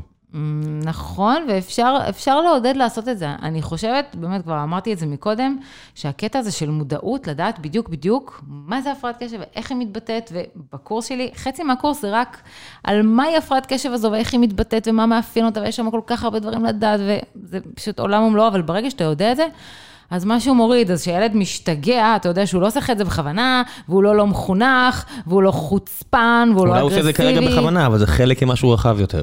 וזה חלק מהאימפולסיביות, וזה חלק מהוויסות הרגשי שלא מבוסת, וזה חלק מה, מהתגובתיות, וזה חלק מהדברים שהוא עובר במהלך היום, ואתה הרבה יותר יכול לחבק ולהכיל כשאתה מבין. כי אני יכולה להגיד למישהו, תחבק, זה יעזור יותר מלצעוק, אבל הוא לא היה מסוגל להביא את עצמו לשם, אבל אם הוא כן. יודע מאיפה זה בא, אז זה הרבה יותר... ולא רק ילד, כמו שאמרת, 15 שנה האחרונות, גם כן. בני בנות זוג. תחשבו כמה זוגות לא מפסיקים לריב על שטויות. רק כי הצד השני לא מבין. לא רק לריב, גם להתגרש פי שלוש. וגם כן. להחליף בני זוג לעיתים הרבה יותר תכופות, ולהחזיק קשרים לאורך הזמן הרבה יותר קצר. ובאמת, הריבים, אני, וואו, אני חושבת, אני הכרתי את אה, בעלי לפני 20 שנה, כשעוד לא ידעתי שיש דבר כזה הפרעת קשב, ואני חושבת על כל הריבים המיותרים. שחשבתי שלא אכפת לו ממני, ואיך הוא לא זוכר, אבל אמרתי לו מהפעם, מה הקטע, מה לא אכפת לו, מה הוא עושה, מה שבא לו, כל מיני מחשבות כאלה. ואחרי שהבנתי שיש פה הפרעת קשב, זה לא משהו בשליטה שלו, אז זה פשוט מוריד את כל הריבים האלה, וגם אה, מוצא דרך ככה ל, ל, לפצות על זה, אם זה יומן גוגל משותף, או אם זה יותר תזכורות. אבל רק עצם ההבנה, שזה לא שלא אכפת לי, שלא אכפת לו, זה לא שהוא לא מרוכז כן. בי כי הוא בוהה באיזה מסך בפאב, זה, זה פשוט הפרעת קשב, זה... אני אוסיף לך עוד אחד. כן, assume כן. best interest. זה חוק פה בחברה. איך? assume best interest, שמישהו, אה. אל תניח שמישהו בא לדפוק אותך, אל תניח שיש פה איזשהו אינטרס נגדך. יכול להיות שיש פה, הרי את עצבנית על משהו, אתה עצבני על משהו, מישהו לא עשה, מישהו הבטיח ולא קיים, assume best interest. תגיע לסיטואציה בכך שאתה מניח, אם יוכח אחרת, בסדר, היד קשה, אבל אה, תניח שהצד השני לא בא עם כוונת זדון. ואני מנסה כמה שאני יכול, אני, האקסל מראה שאני אה, נופל המון, אבל אה, אבל כשאתה נמנע מריב מטופש, זה כזה שיפור לחיים, זאת אומרת, אין דבר שפוגע באיכות חיים יותר מאשר פגיעה במערכות יחסים, כי אושר הפינס, לא, לא כיף. אושר זה מערכות יחסים, תחושת הישגיות ו, ומיומנות, זה אין הרבה מעבר בסוף, וזה מערכות יחסים, זה נאמבר וואן. נכון. זאת אומרת, לא משנה מי את או מי אתה, כמה אתה חושב שהצלחת בחיים, רבת עם האנשים סביבך, אתה תהיה אומלל. אז המחקרים בפסיכולוגיה החיובית ממש מצאו את זה, שגורם מספר אחת באושר בחיים שלנו, זה מערכות יחסים. מערכות יחסים, בטח. זה לא עבודה, זה לא הלימודים, זה לא, יש מערכות יחסים, יחסים גם בעבודה. כן. יש מערכות יחסים גם בעבודה, זה, אני מרחיב את זה להכל. נכון. אתה לא יכול, את לא יכולה להזניח את זה בשום מקום, כי אז פשוט לא כיף, ושלא כיף, זה, זה מדרון מאוד מאוד חלקלק. העניין של לדאוג לאושר זה עבודה משרה מלאה, ולרובנו יש לפחות עוד אחת, אז יש מלא תירוצים מלמה לא, אבל המחיר הוא כל כך כבד. ותראה, אני מאמינה ש... לא יודעת, אולי בגלל באמת שאני חוקרת, אבל אני מאמינה שהידע שה... הוא זה שיעזור לך להגיע לשם. שאם אתה יודע ש... שוב, זה הפרעת קשב ולמה זה ככה, אז זה יעזור לך לחסוך את הריב, להגיב אה, בחיוך. אם אתה לא יודע, אני לא יודעת עד כמה, עד, עד כמה אפשר באמת לה, להגיד לעצמי, טוב, הוא לא עושה את זה בכוונה, טוב, הוא כן אוהב אותי, אבל הידע הזה הוא, הוא מאוד עוזר, הוא פשוט מאוד עוזר להבין ו, ולהכיל. כן, אנשים לא מבינים שבסוף גם המוח זה איבר. זאת אומרת, אם מישהו, לגמרי. אמרנו אונקולוגיה, אם מישהו חולה חס וחלילה נכון. בסרטן, הסביבה, ברוב המקרים המוחלט, לא משנה כמה אתה חרא של בן אדם, אתה יודע שמישהו חולה בסרטן, אתה מתייחס אליו בהרבה יותר אמפתיה, ואתה תיתן לה לא מרווח, כי הוא עובר משהו כל כך קשה, כל כך קשה, שאפילו אי אפשר להגיד את המילה הזו, זה המחלה. Mm. את יודעת, למרות שזה שם גג לכל כך הרבה מחלות נוראיות, ומי שמתמודד, מתמודד עם משהו נורא, ואנחנו נותנים כחברה את המקום הזה, כי רובנו מבינים או אמפתיים, אבל כשזה מגיע לבעיות פסיכיאטריות, פסיכולוגיות, אנחנו לא מוכנים. תסתכלי, אפילו עד למעלה. יש אשת ראש הממשלה לשעבר, לפי פרסומים זרים, מתמודדת עם קשיים, וכמה קל לנו לצחוק על זה כחברה, ולהגחיך, ו... וקשה להיות כי לא אמפתי רואים כש... את זה, זו הסיבה. לא רואים קשב. כן. ואם הבן אדם נכה בכיסא גלגלים, אתה רואה את זה. אבל את הקשב אתה לא רואה, הוא מסתובב שם בתוך גם המוח. סרטן אני לא רואה, זה, את מבינה, את נותנת פה לנו תירוצים כחברה, אבל גם סרטן אני לא רואה שבן אדם מתמודד עם סרטן הרבה פעמים מעבר לקרחת. אה, אנחנו יהודים, חצי מהמדינה פה קרחת, זה לא... אני בריא למיטב ידיעתי ואני קרח וראש מגולח, אז זה אפילו הסימנים האלה כבר הולכים ונעים, ואנחנו יודעים שאם מישהו חולה אנחנו ניתן לו, אנחנו, אנחנו נהיה שם עבורו או עבורה. ובדברים פסיכולוגיים, פסיכיאטריים, נכון. אנחנו פשוט לא מסוגלים, אנחנו לא מסוגלים בהרבה מקרים לתת לבן אדם את, ה... את המרווח נכון. הזה, לעשות שטויות, כי, כי הוא יעשה, היא תעשה. כי, נכון, כי זה באמת הרבה פעמים נתפס כ, כלא מספיק ברור, לא, לא מספיק אה, נראה, או אולי זה כן נובע מאיזשהו משהו, חוסר כוח או עצלות, אבל, אבל זה באמת, כמו שאמרת, זה מוחי, זה נוירולוגי, זה, זה גם, גם המחקרי MRI, גם אפשר לראות באינטרנט תמונות עם ובלי הפרעת קשב, וזה הבדל שהוא ממש... אה, מוחי, שבעצם גורם לכל הדברים האלה, וזה ממש חשוב להבין את זה, זה לא בשליטה. כן. וגם, אני כבן אדם תמיד, אני, הדיבור הזה פשוט הוא בעייתי. כי אם אנחנו מניחים שאין לנו שליטה, אז accountability, פלילי, חברתי וכאלה, אז זה גם מדרון לשם, ואני מבין את זה.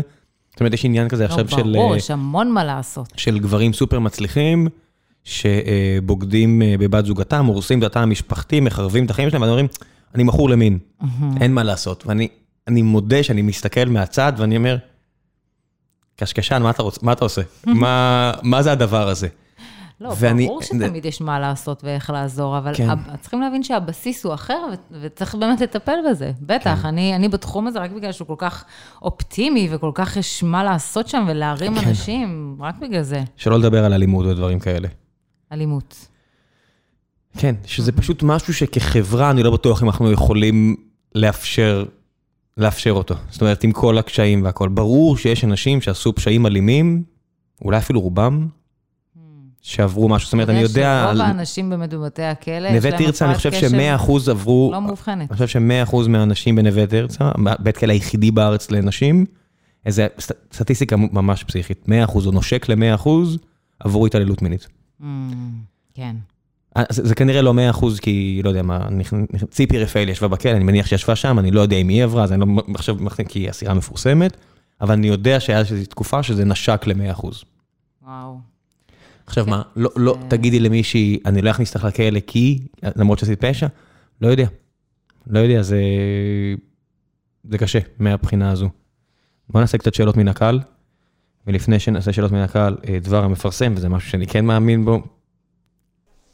היי hey, חבר'ה, לפני שנחזור לפרק הזה עם שירלי הרשקו, אני רוצה לספר לכם על נותני החסות הנוספים שלנו לפרק הזה, והפעם זו חברת סטרים אלמנטס. אני יודע, אני יודע, אני לא כזה אובייקטיבי, כי אני אחד ממנהליה, אה, אבל סטרים אלמנטס זו באמת חברה נהדרת, אנחנו מנסים לעשות שינוי בחייהם של מיליוני יוצרי תוכן ברחבי העולם. כל מה שקשור לקריאייטור איקונומי הולך ומתברר כבוננזה אמיתית, גם עסקית, גם ערכית, כיף לעבוד עם אנשים שעוברים מתחביב למקצוע. כמובן שלא כל אחד ממיליון היוצרים שמשתמשים בכלים שלנו על בסיס שבועי קבוע באמת הולך ועושה מזה אה, עסק, אבל רבים מהם כן, וזה כיף גדול לתת את הכלים שלנו גם לאנשים שרק עושים את זה בשביל הכיף, ומביאים הרבה ערך לצופים שלהם. באמת שזה כיף, ומעבר לכך זה יופי של עסק, כי בסופו של דבר זה גם חלק מאוד חשוב, הימים האלה של סטארט-אפים היפים, שלא יודעים מאיפה יביאו את ההכנסות שלהם חלפו. ואחרי בסך הכל ארבע שנים, אני יכול לספר לכם בגאווה שסטרים אלמנטס זו כבר חברה עם הכנסות של עשרות מיליוני דולרים, ואנחנו רוצים לחצות את קו 100 מיליון הדולר כבר בשנה הבאה, ב-2022. כדי לעשות את זה גייסנו לא מעט כסף מכמה מהשמות הגדולים בעולם, אנחנו לא uh, רצים ומספרים על זה uh, עם פירוט, כי אנחנו לא רואים באמת צורך, אבל כל מה שאני יכול להגיד לכם, שזה יהיה פספוס גדול מצד מישהו מכם שמתעניין בתחום ומתאים, שלא יצטרף uh, ממש בתקופה הקרובה, ואני ערב לכך. אז Stream Elements, כנסו לעמוד המשרות שלנו, עשרות משרות פנויות מחכות לכם שם. כיוון שאני אה, כ-CTO מוביל את כל מה שקשור לטכנולוגיה, אז אני אהיה אנוכי ואספר לכם בעיקר על מה אני מחפש לאייש. אז אני מחפש מנהלי מוצר מנוסים ומפתחות Backend נהדרות ומפתחות Frontend ואנליסטים לצוות ה-BI שהצטרף, שהולך וגדל, ושלל תפקידים טכניים אחרים. אפילו אה, מנהלי פיתוח התחלנו לחפש עכשיו, כי אנחנו גדלים וצריך קצת להרחיב גם את שכבת הביניים הזו. אז אם בא לכם לבוא, לעבוד איתי עם גיל הירש, עם דורון ניר, אור פרי ושאר החבר'ה הנהדרים שהתקבצו פה בח, בחברה הזו, במשרדים החדשים שנעבור אליהם בקרוב, וזהו, אני לא אקשקש לכם יותר, כנסו לעמוד הקריירות, תראו אם משהו מתאים לכם שם, תגישו אם בא לכם, אני אשמח מאוד לדבר איתכם במידה אתם מתאימים, ועכשיו, בחזרה לפרק עם דוקטור שירלי הרשקו, תהנו. חזרנו, שאלות מן הקהל, פורום החיים עצמם של גיקונומי, כל מי שרוצה לשאול שאלות, אני מספר על זהות האורח או האורחת בדרך כלל יום לפני, מיכאל לך. בעבר היו אומרים שריטלין לא עוזר למי שלא צריך אותו, לוקח סתם. היום, כשריטלין ודומיו כל כך נפוצים, עולה השאלה איך זה משפיע שונה בין אנשים עם ובלי בעיות קשב וריכוז. התייחסנו לזה, אם בא לך להוסיף משהו? אני אומרת, לכו לרופא מומחה, מומחה בהפרעת קשב, והוא כבר ידע מה להתאים לכם, ואם צריך, כן או לא. אין לזה תחליף, אי אפשר להתייעץ על זה באינטרנט, על טיפול כן. תרופתי, anyway. לוקח הרבה שנים ללמוד, פסיכיאטריה, תעריכו את הבן אדם מהצד השני. בדיוק. היא עבדה קשה כדי לתת את האבחון הזה. כן, אני, אני באופן ספציפית מאבחנת עם הנוירולוג באמת מספר אחת בארץ בתחום של אה, הפרעת קשר. שם. אנחנו מאבחנים ביחד, אני ודוקטור ויינשטיין, יש לנו קליניקה, ואנחנו עושים מעקב כמו שצריך אחרי הטיפול התרופתי ואחרי האבחנה, וזה משהו שאי אפשר לשחק בו, בדיוק כמו שלא משחקים עם סכרת, או עם סרטן חלילה, או עם כל אה, אה, מחלה, או הפרעה, או כל דבר שצריך טיפול תרופתי, צריך פה מעקב. כמו שצריך, ובאמת, גם בקבוצה שלי, באנשי הקשב בפייסבוק, כל שאלה שעולה על טיפול תרופתי, לקחתי, מה מתאים, מי מצא, אני לא מעלה אותה אפילו. אה, אי אפשר להתייעץ על טיפול תרופתי באינטרנט. לצערי, גם על סרטן היום. אה, יש אנשים שחושבים שבלי אה, ללמוד כל כך הרבה שנים ולהפוך לאונקולוג, אפשר לתת עצות, אה, אבל זה מה יש. זה לא אחראי. אה, מייק דוידסון שואל, למה יש עלייה בשכיחות התופעה? כי יש יותר מודעות, תודה לאל, ואנחנו רוצים שהמודעות הזו רק תעלה ותעלה, בגלל זה אני פה, בגלל זה אני עושה את כל מה שאני עושה ברשת, בחינם, בהתנדבות, כי אנחנו רוצים שהמודעות הזו תעלה ושאנשים לא יתפספסו ולא ירמסו בילדותם ואחר כך אה, יגדלו עם כל ההשלכות ש, שיש לזה. ומבוגרים כמובן. בוודאי. את, את אה, רק עם ילדים? לא, לא, אני כל הגילאים, להפך, דווקא מבוגרים זה, זה אוכלוסייה מאוד מאוד אה, אהובה עליי, ככה להציל אותם ולהעלות אותם אה, למעלה. אוקיי, okay, חברים, כולכם, זה לא רק ילדים או הילדים שלכם. ירון אה, עדל שואל, בשיח על הפרעות קשב במערכת החינוך נהוג לדבר על הקשיים שחווים הילדים, שנובעים לרוב מבעיות התפתחויות או סביבתיות. אך לא נהוג לדבר על מבנה ותוכן תוכנית הלימודים, שמקדשת ריכוז ברמה אקדמית ולמעשה מסלילה ילדים לפתח במרכאות הפרעות קשב. למרות שאמרת שזה רק מלידה. אה, מה דעתך לגבי מבנה תוכנית הלימודים בכיתות א' עד י"ב מהזווית המקצועית? אוקיי. Okay. דעתי היא כזו, אני אשמח שמערכת החינוך תשתנה. אני גם ניסיתי לעשות כל מיני ניסיונות בכנסת, בממשלה ובכל מיני היבטים אחרים כדי להכניס יותר יצירתיות ויותר עניין. אבל כל עוד מערכת החינוך היא כמו שהיא, אין מה להילחם בזה. בואו בוא נעזור לילד. ו, ו, וזה מה שחשוב, אי אפשר להגיד לילד, המערכת תפוקה, אה, היא לא מכילה אותך. אנחנו רוצים שלילד יהיה טוב בבית ספר, ואם זה אומר שאנחנו צריכים לעזור לילד, אנחנו נעזור לו.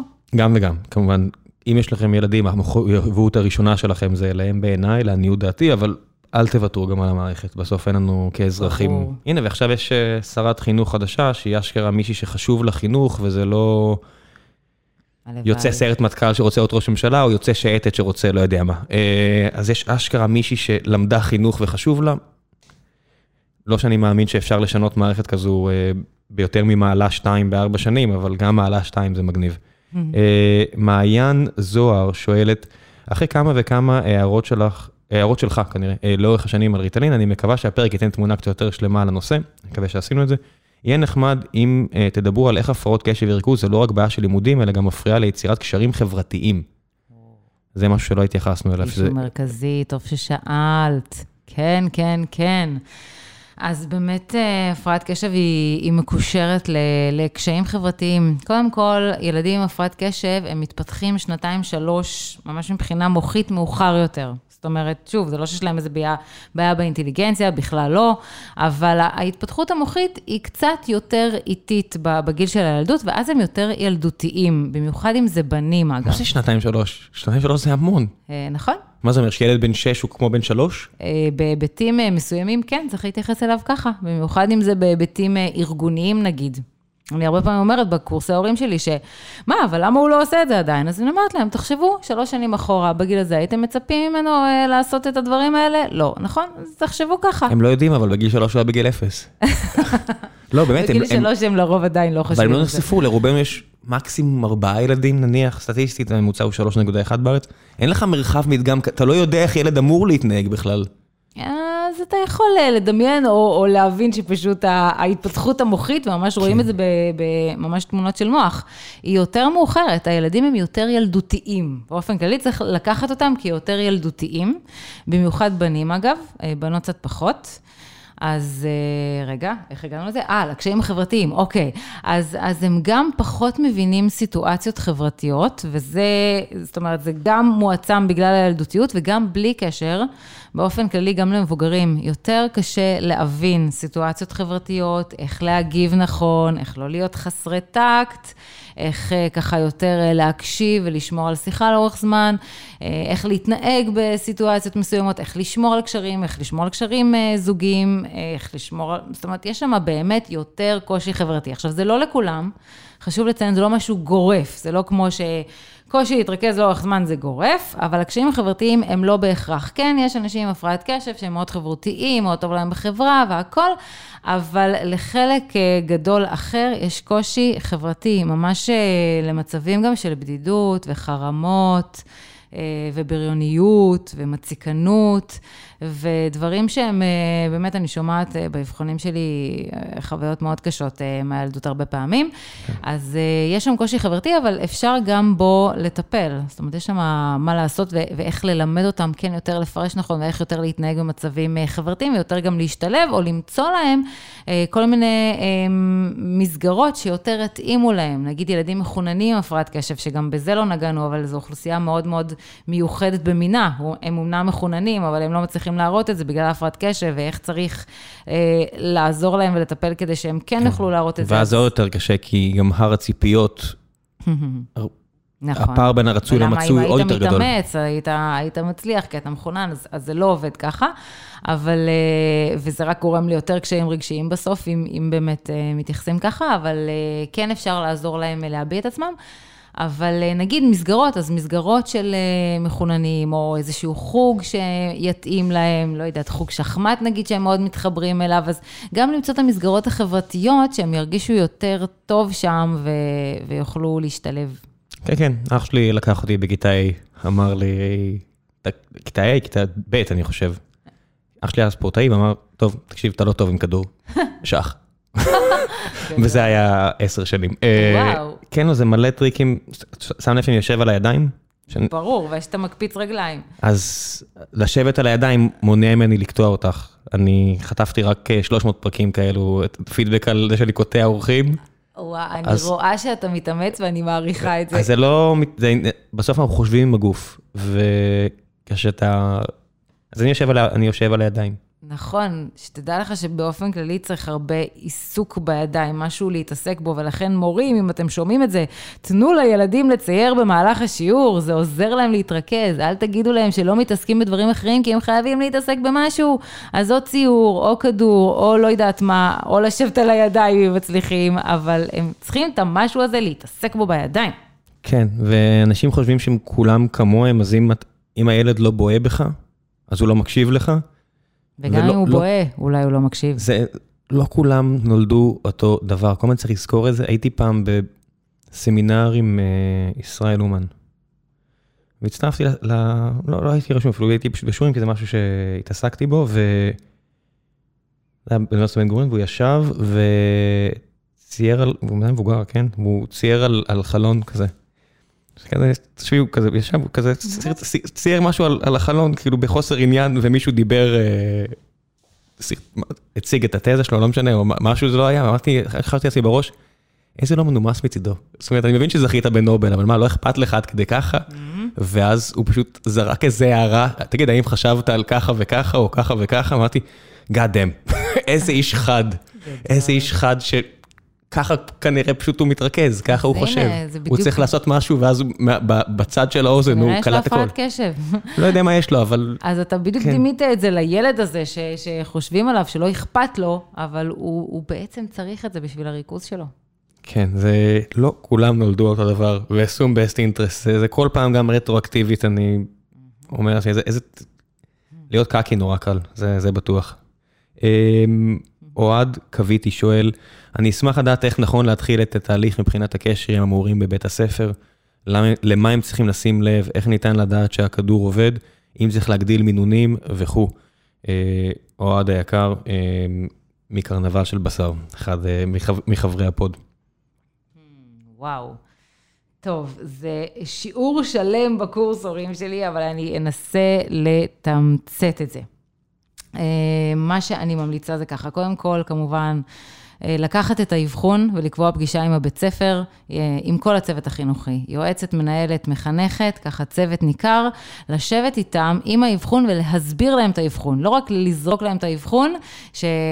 כנראה לא יסתכלו בו, יסתכלו ככה בסיכום וידפדפו הלאה, אלא אתם, תראו שאתם כהורים מבינים את האבחון, שהמאבחן, מאבחנת, הסבירו לכם כמו שצריך, ואתם יודעים לתווך את האבחון הזה. כי באופן כללי, במערכת החינוך, אתם צריכים לסנגר על הילד שלכם ולהיות שם בשבילו. אה, אחרת, אף אחד לא יעשה את זה. זה באמת, זה כל המטרה שלי אה, בלהעביר את זה. ואתם יושבים בשיחה הזו ומסבירים מה נמצא באבחון, מה ההתאמות שהילד קיבל ואיך הולכים לתת לו את ההתאמות האלה. יש התאמות שפחות מודעים אליהן ברוב האבחונים, אבל כדאי להיות מודעים אליהן, כמו למשל חדר נפרד בבחינה, או הקראה של החומר בקשיים גדולים של הבנת הנקרא בגלל ההפרעת קשב שלא מרוכזים בקריאה, אבל ברגע שמקריאים לך, אתה מבין הרבה יותר טוב. זאת אומרת, דברים שיעזרו לילד להביע את עצמו בלימודים, כמו שהוא יודע, בלי שהוא ייתקע על, ה, על הקשיים האלה של ההפרעת קשב. וזה ההתאמות הקטנות האלה, שהן מאוד מאוד עוזרות, אבל בית הספר לא יסוס לתת אותן, ולכן אתם צריכים להיות שם ולדאוג שהוא יקבל. אז זה מבחינת התאמות במבחנים, אבל יש גם את העזרה שהבית הספר יכול לתת. אז יש לו את הבית ספר גם איזה עזרה הוא יכול לתת, שעות שילוב, מורים פרטיים והכול. אז זה מבחינת הפגישה הזו שהיא חובה לעשות עם הדוח אבחון, ואז ממש לקבוע פגישות המשך. פשוט באמת להציק לבית ספר, פגישות המשך, אנחנו כל חודש באים, זה כבר לא צריך עם כל הצוות, עם המורה, לראות מה קורה, מה נשמע, איך הולך, מה המצב. מאוד חשוב להיות עם, ה, עם היד על הדופק ב, בעניין של הבית ספר ולתווך את הילד שלכם, כי לצערי, לא לומדים על אה, הפרעת קשב ב, בלימודי הוראה. אין כן, קורס כזה. עד כה. אין. אולי זה ישתנה. אולי, הלוואי, אבל כן. גם, גם, גם פסיכולוגים לא לומדים קורס על הפרעת קשב. זאת אומרת, זה, זה תחום שהוא לא מספיק לומדים אותו וצריך לתווך אותו וצריך להבין בו אה, לבית הספר, זה מהבחינה של בית הספר, ושוב, מהבחינה של הטיפול התרופתי, רופא מומחה ומעקב צמוד, זה עושה את כל ההבדל. כן, אני אוסיף אה, עוד טריק מהבית שלי, אה, walk and talk. Mm. כשאתה הולך ומדבר את אם יש לך הפרעת קשב או יש לך, אני מוצא שזה עוזר לי מאוד. Mm. אז העובדים פה אה, יודעים, הרבה פעמים שזה יוצאים לפגישה בסיבוב מסביב ל, לרחוב, בקיץ זה בעייתי, אני חוזר חמוץ, mm. ושאר הזמן זה אחלה. אה, הייתה לי איזו שיחה חשובה עם אה, אחד המשקיעים שלנו, אז נסעתי אליו לדבר איתו, והוא הוא בן אדם של אולטרה מרתונים וכאלה, ואז הוא אומר לאחד השופטים שלי, ראם ניסה להרוג אותי. הלכנו פשוט איזה שלוש שעות רצוף, ודיברנו, ולי אישית זה מאוד מאוד עוזר. כן? תנסו. הגיוני, כי להיות בתנועה זה, זה עוזר. כן, תנסו את זה גם אם, uh, יש מלא אודיובוקס עכשיו, גם במחירים מאוד שווים לכל נפש, פודקאסטים זה בחינם, יש נכון. פודקאסטים שזה לא רק uh, קשקשת כמו שאני עושה הרבה פעמים, אלא פשוט דברים מקצועיים. אמ, אני צריך, אני למשל משלים הרבה ידע מקצועי על התחום שלי בפודקאסטים מקצועיים. walk and, walk and hear, walk and talk, walk and listen, לא hear. אה, לי אישית זה מאוד עוזר, נורא קל לי לקלוט ככה. אז זה לא מפתיע, ואגב, גם כשהילד נגיד צריך ללמוד, לא חייבים להכריח אותו לשבת בשולחן ולשבת יפה. הוא יכול ללכת תוך כדי שהוא לומד, הוא יכול לקפץ תוך כדי שהוא לומד, הוא יכול לעמוד על הראש תוך כדי שהוא לומד. זה, זה עוזר להם להיות בתנועה. הם לא יכולים לשבת יפה בשולחן, במיוחד לא ההיפראקטיביים, כן. ההיפראקטיביים במיוחד, אז לתת להם. רק לא משהו שיקח את הקשב. זאת אומרת, שחס וחלילה לא יהיה טלוויזיה פתוחה ברקע, כן. כי גם ממש. ילד בלי הפרעות קשב, את רואה פשוט ההשפעה של מסכים היום. מאוד מאוד, המסכים הם הורגים, אני בדיוק הסברתי על זה אתמול בהרצאה שלי, שכל פעם שאנחנו נוגעים במסך, לוקח לנו 16 דקות לחזור לריכוז הקודם שלנו, וזה מאוד עצוב נוכח העובדה שהמחקרים מראים שאנחנו נוגעים בין 200 ל-400 פעמים ביום לפחות בטלפון שלנו, חלקנו יותר, אז המסכים מאוד מאוד אה, הורסים את הקשב גם למי שאין לו הפרעת קשב, ומי שיש לו, אז עוד יותר אה, צריך לשים לב. בוא נעשה שאלה אחרונה, ואז נעבור להמלצות. אה, אור הירשפלד שואל, רגע, היה פה, אני כן אגיד שהיו כל מיני אה, חבר'ה כמו נעמה קורמן ואחרים שביקשו שנדבר על הפרעות קשב לא מאובחנות אצל מבוגרים והשפעה. אני רק אומר שהתייחסנו נראה לי אה, לא מעט, אז מצטער שלא מגיע להכל. יכולה להגיד על זה רק משפט אחד. בטח, בטח. שבאמת המון שואלים אותי, מה, ללכת לאבחון בגיל 30, בגיל 40? כן, כן, כן. בעיקר מבחינה רגשית, נפשית, זה מרפא צלקות. זה, זה עושה אפקט ש, שאין שני לו. באמת, אני מאוד מאוד אוהבת לאבחן מבוגרים ולתת להם את ההסבר הזה לקשיים, לדברים שהם עברו מהילדות ועד היום, ומה הם עושים מעכשיו והלאה ואיך הם משיגים את המטרות שלהם. זה חשוב לא פחות מגיל הילדות. אז שאלו פה, אה, אור הירשפלד שואל, האם ההבדל בין סוגי הפרעות קשב כמו ADD, ADHD, הוא חד וברור, או שזה רצף מסוים ויכולות להיות תסמונות דומות, הוא, הוא ציין שם את, את הסיפור, הוא סיפר על, על עצמו, ואז אחד החבר'ה שענו לו אמר, פעם הייתה, תום כהן ענה לו, פעם הייתה הפרדה בין האבחנות, היום הן שתיהן תחת אותה הבחנה עם תתי אבחנות. נכון, נכון, תום. אז באמת, בגדול פעם הבחינו בין ADD ל-ADHD, היום זה תחת אותה הבחנה. מה שחשוב לדעת... מי מהם שרד? ה-ADHD? היום זה הבחנה אחת, ה-ADHD, כן, כן. אוקיי. ואז יש את הסוג, אה, את הסוג עם ההיפראקטיביות החיצונית, מה שנקרא, שזה, קוראים לזה היום, שזה אלה שיותר אה, מקפצים, זזים, רואים אותם, שומעים אותם, או ההיפראקטיביות הפנימית, קוראים לזה היום, שזה, שזה כל המחשבות המטרידות האלה, הלחצים, ההתעסקויות בידיים, דברים שהם פחות רואים אותם חיצונית, אבל הם, מה שנקרא יותר היפראקטיביות פנימית. אה, וכן, הפרעת קשב היא נעה על סקאלה בין אה, אה, קלה לבינונית לחמורה, וזה נבחן על פי עוצמת הקשיים. כמה שהקשיים שלך יותר גדולים ויותר משפיעים ביותר תחומים בחיים וביותר עוצמה, אז ככה גם העוצמה היא יותר גבוהה. הספקטרום מאובחן? זאת אומרת, יש ממש... או שזה... תראה, אנחנו כן אומרים באבחון שלנו, לא חמור. אם זה ברמה באמת קלה, בינונית אה, או קשה, זה פחות משנה, כי גם ברמה הקלה, זה עדיין יכול לעשות נזקים אה, תהומיים אפילו, אז... אה, מבחינת המחקר, יש ממש תוויות, יש labels של קל, בינוני, כבד, או שזה דברים שכבר כל חוקר, חוקרת עושים בעצמם? עצמם? כן, יש, יש סקאלה כזו, יש גם שאלונים מאוד מאוד טובים ומתוקפים שאפשר לשים אותם על סקאלה ולראות שככל שהקשיים יותר עולים, אם קורה משהו, אבל כן, לפי מחקרים, אני חייבת לציין שזה פחות קריטי העניין של החומרה. זה, זה כן, זה לא וואו. שזה נמצא שאנשים חומרה גבוהה של הפרעת קשב הם יהיו יותר עבריינים או משהו כזה. זה לא, אני רק לא... אומר כמה צריך, נגיד משהו כמו אוטיזם.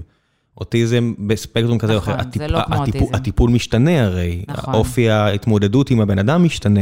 נכון, אז, אז זה באמת, זה לא כמו אוטיזם, אפילו לא מהבחינה התרופתית, זה עדיין מאוד אינדיבידואלי שם, וצריך לעשות התאמה ואי אפשר לדעת uh, מראש, אז, אז זה לא, אז באמת לא כמו אוטיזם, אנשים עם הפרעת קשב חמורה יכולים uh, מאוד להצליח, ולהפך, סופר אינדיבידואלי. איך יכול להיות, שאלה אחרונה מהצד שלי, ואז נעבור ל... להמלצות, איך יכול להיות שהכדורים האלה מגיעים בקוונטות כאלה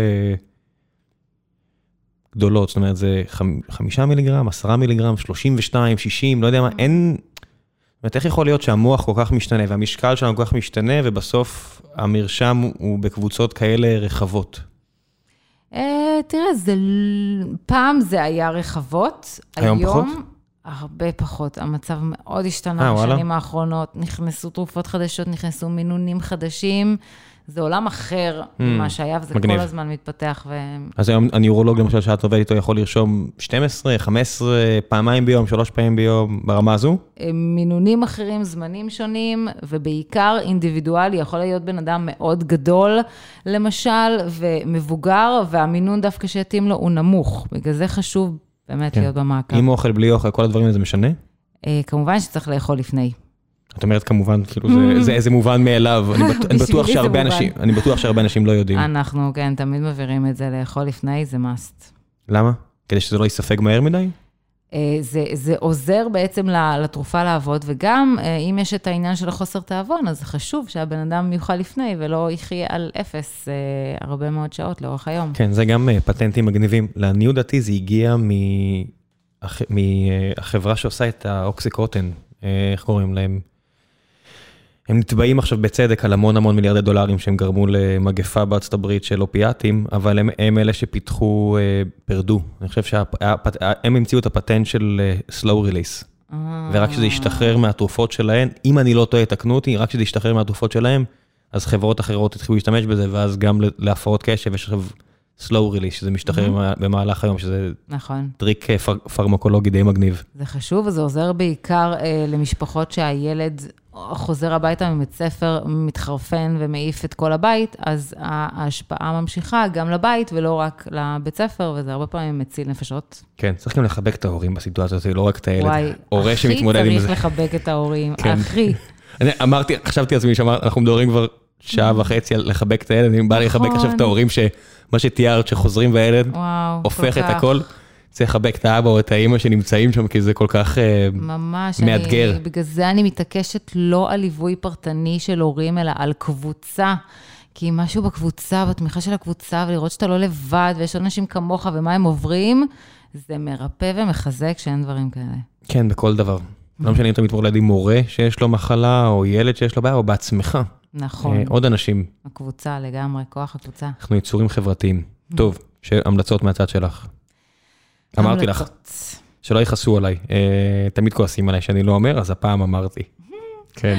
אה, טוב, אני באמת, אה, כמובן שלא הספקנו לדבר פה על הכל, אז מי דבר שרוצה... ראשון. מה? אני אמרתי, דבר ראשון, הפודקאסט שלך ו- וכאלו. אוקיי, אז באמת מי שרוצה להעמיק עוד בתחום, אז יש לי גם פודקאסט שנקרא אנשי קשב, ויש לי אתר שנקרא אנשי קשב, דוקטור שירלי הרשקו, ויש לי כתבות בארץ, יש לי שם טור במדור הבריאות, שאני מעלה הרבה מאוד uh, כתבות בתחום של הפרעת קשב, על בנות כתבתי, על זה שלא לכולם יש הפרעת קשב, על איך זה מתבטא בעבודה, uh, כל מיני כתבות כאלו בהארץ בעצם. אז אה, אלה בעצם המקומות שהכי אפשר למצוא אותי בזמינות, הפודקאסט, האתר, הכתבות. חוץ מזה, יש לי ספר שצריך לצאת לאור עוד חודש, שגם הוא נקרא אנשי הקשב, וזה ספר שבמיוחד ייעדתי אותו למבוגרים עם הפרעת קשב דווקא. זאת אומרת, או אנשים שיש להם הפרעת קשב בגיל הבוגר, או ההורים, שיכולים ממש לקרוא, להבין מה זה, מה לעשות עם זה, איך זה מתבטא, ואפילו יש שם את שיטת רק רגע לארגון זמן שפיתחתי, אז היא גם אה, מופיעה בספר. ויש לי גם קורסים, קורס ארגון זמן, שאני מאוד מאוד מאמינה בו, שלושה מפגשים, 21 יום, שאני יושבת על האנשים, בעצם לבנות לעצמם את החיים כמו שצריך, ולהמשיך עם זה הלאה ולעוף על החיים שלהם. וקורס הורים, לחבק את ההורים, מאוד מאוד מקיף, עם חמישה מפגשים מלאים וליווי אישי, כדי לעזור להם באמת להבין את הילדים שלהם ולהצמיח אותם הלאה. אז uh, מאוד מאוד חשוב, ומבחינתי זו שליחות. להוציא את ההפרעת קשב כן. הזו לאור כמו שצריך ולטפל בה. וסטטיסטית גם את עצמם, כמו שאמרת. ברור, ברור, כן. כן, לגמרי. אה, הסטטיסטיקה מנצחת ב-75 אחוז, נכון. אה, תטפלו גם בעצמכם, כי כנראה שגם אתם אה, תחת המטריה הזו. אוקיי, המלצות אחרות. המלצות אחרות. אוקיי, אז אני מאוד אוהבת את הספרים של דן אריאלי, כמו שאמרתי. הוא גם חוקר את התחום של uh, קבלת החלטות, שהוא חתיכת אישו בהפרעת קשב uh, מאוד מאוד מעניין, אז קראתי ככה את כל הספרים שלו. יש את uh, כוחה של נחישות, שאני מאוד מאוד אוהבת את הספר הזה. ובאמת, כמו שאמרת, ככה לצלול בעולם הפודקאסטים זה מאוד נחמד, זה מאוד זמין, ו- זה, ובכלל מ- זה באודיו. ממתק, זה חשוב שאנשים יבינו שזה רק ממתק, זה רק גייטווי לידע, זה לא ידע. נכון, אבל זה, זה קל ונגיש. נכון, ממתק. כן. אני, אני לא מצלזל, גם ממתקים זה כיף, ו, וזה אחלה כדי לגרות הסקרנות, אבל יש בסוף גם ערים של ידע זמינים של מומחים כמוך, שבסוף אם שומעים אותך פה, אז אפשר גם למצוא אותך מעבר בפודקאסט משלך וכאלה, אני אומר, בטח פודקאסטים כאלה שהם נורא כלליים, תעמיקו. דברים שמעניינים אתכם, לכו על זה, תעמיקו. ממש ממש, ידע זה כוח, כוח, כן, כוח. כן. חד משמעי. ואל תוותרו ואל תתפשרו, זה המסר הכללי שלי, ההמלצה הכללית שלי. אם יש לכם איזשהו קושי, אז באמת, תלכו ותטפלו בו, אתם יכולים לחיות חיים. גם על הספר שלי כתבתי, לחיות חיים טובים יותר עם ולצד הפרעת הקשב, כי באמת שזה אפשרי, ואני אני רואה את זה גם כל יום, אני רוצה שלאנשים תהיה כן. תקווה ואופטימיות. כן, אל תוותרו על האושר שלכם. ממש, הוא ממש יכול להיות שם. כן, אה, לא בטוח שתקבלו הכל, אבל תקבלו משהו. בטוח, ותשתפרו ותרגישו יותר טוב. כן, do better, הנה עוד ערך פה בחברה. העניין הזה של do better זה, זה כל כך כיף. וואי, יש. אה, ג'ורדן פיטרסון מכר מלא ספרים על העניין הזה, אז אפשר, אה, נורא קל אה, to pick and choose, נורא קל לזלזל בבן אדם אחר, כי להגיד, אה, הוא מהצד השני פוליטית ממני, זה הכל שטויות. לא, יש שם דברים, זאת אומרת, הוא כזה מושמץ, ואז את רואה את כמות האנשים שאומרים שהוא עזר להם. יודעת, עם דברים נורא בסיסיים, הוא, הוא, הוא הולך על דברים ממש בסיסיים, את יודעת, תציע את המיטה שלך, כל הדברים האלה, כי זה מתאים להשקפת עולמו. ואז את רואה כל מיני אנשים, עם כל המתח הבין גזעי בארצות הברית, כל מיני חבר'ה כאלה שגדלו בלי אבא, שחורים, בגטו וכל מיני כאלה, אומרים, תקשיב, זה ממש עזר לי, ועשיתי דרך שאני אומר, זהו, אז סבבה. אז יש פילוסופים יותר רהוטים ויותר לוגיים, מה זה משנה? אולי הם לא עזרו לאף אחד, הנה, הוא עוזר למישהו, מה אכפת לכם? אם זה עוזר, זה עוזר, וזה כן. מוכח. מוכח זה סובייקטיבי, יודעת, זה, זה, אם הבן אדם אומר שהוא עוזר, זהו, זה כבר מספיק לי, זה כבר אה, נחמד. כן, אם יש מישהו שאומר שהוא, שזה עזר לו. נכון, זה לא, זה לא דברים שאני מסתכל מהצד ואני אומר, זה סנטולוגיה וכאלה, הם אומרים שזה עזר להם. לא, לא, זה לא כזה, אני לא מקבל את זה, זה לא, החוק לא מוחל על הכל. יש דברים שאם אני יודע שהם בעייתיים, אני לא white labeling them, זה כן, לא, מסכימה לגמרי. אני לא מלבין אותם רק בגלל שמישהו אומר שזה עזר. אה, אז זה למשל, לא, לא מקבל. זהו, בנימה זו, אל, אל תקשיבו לשרלטנים, לכו תחקרו. למומחים כן. ותעזרו לעצמכם לגמרי. ותחקרו, כן, ת- נכון. תחקרו, גם אם אתם ממש רוצים להאמין, תחקרו, כי פלסיבו מגיע רק עד אה, גבול נורא, יש לו תקרת זכוכית. ממש. תודה רבה, שירלי. תודה רבה, היה כל כך כיף ומעניין. גם לי. ביי. ביי.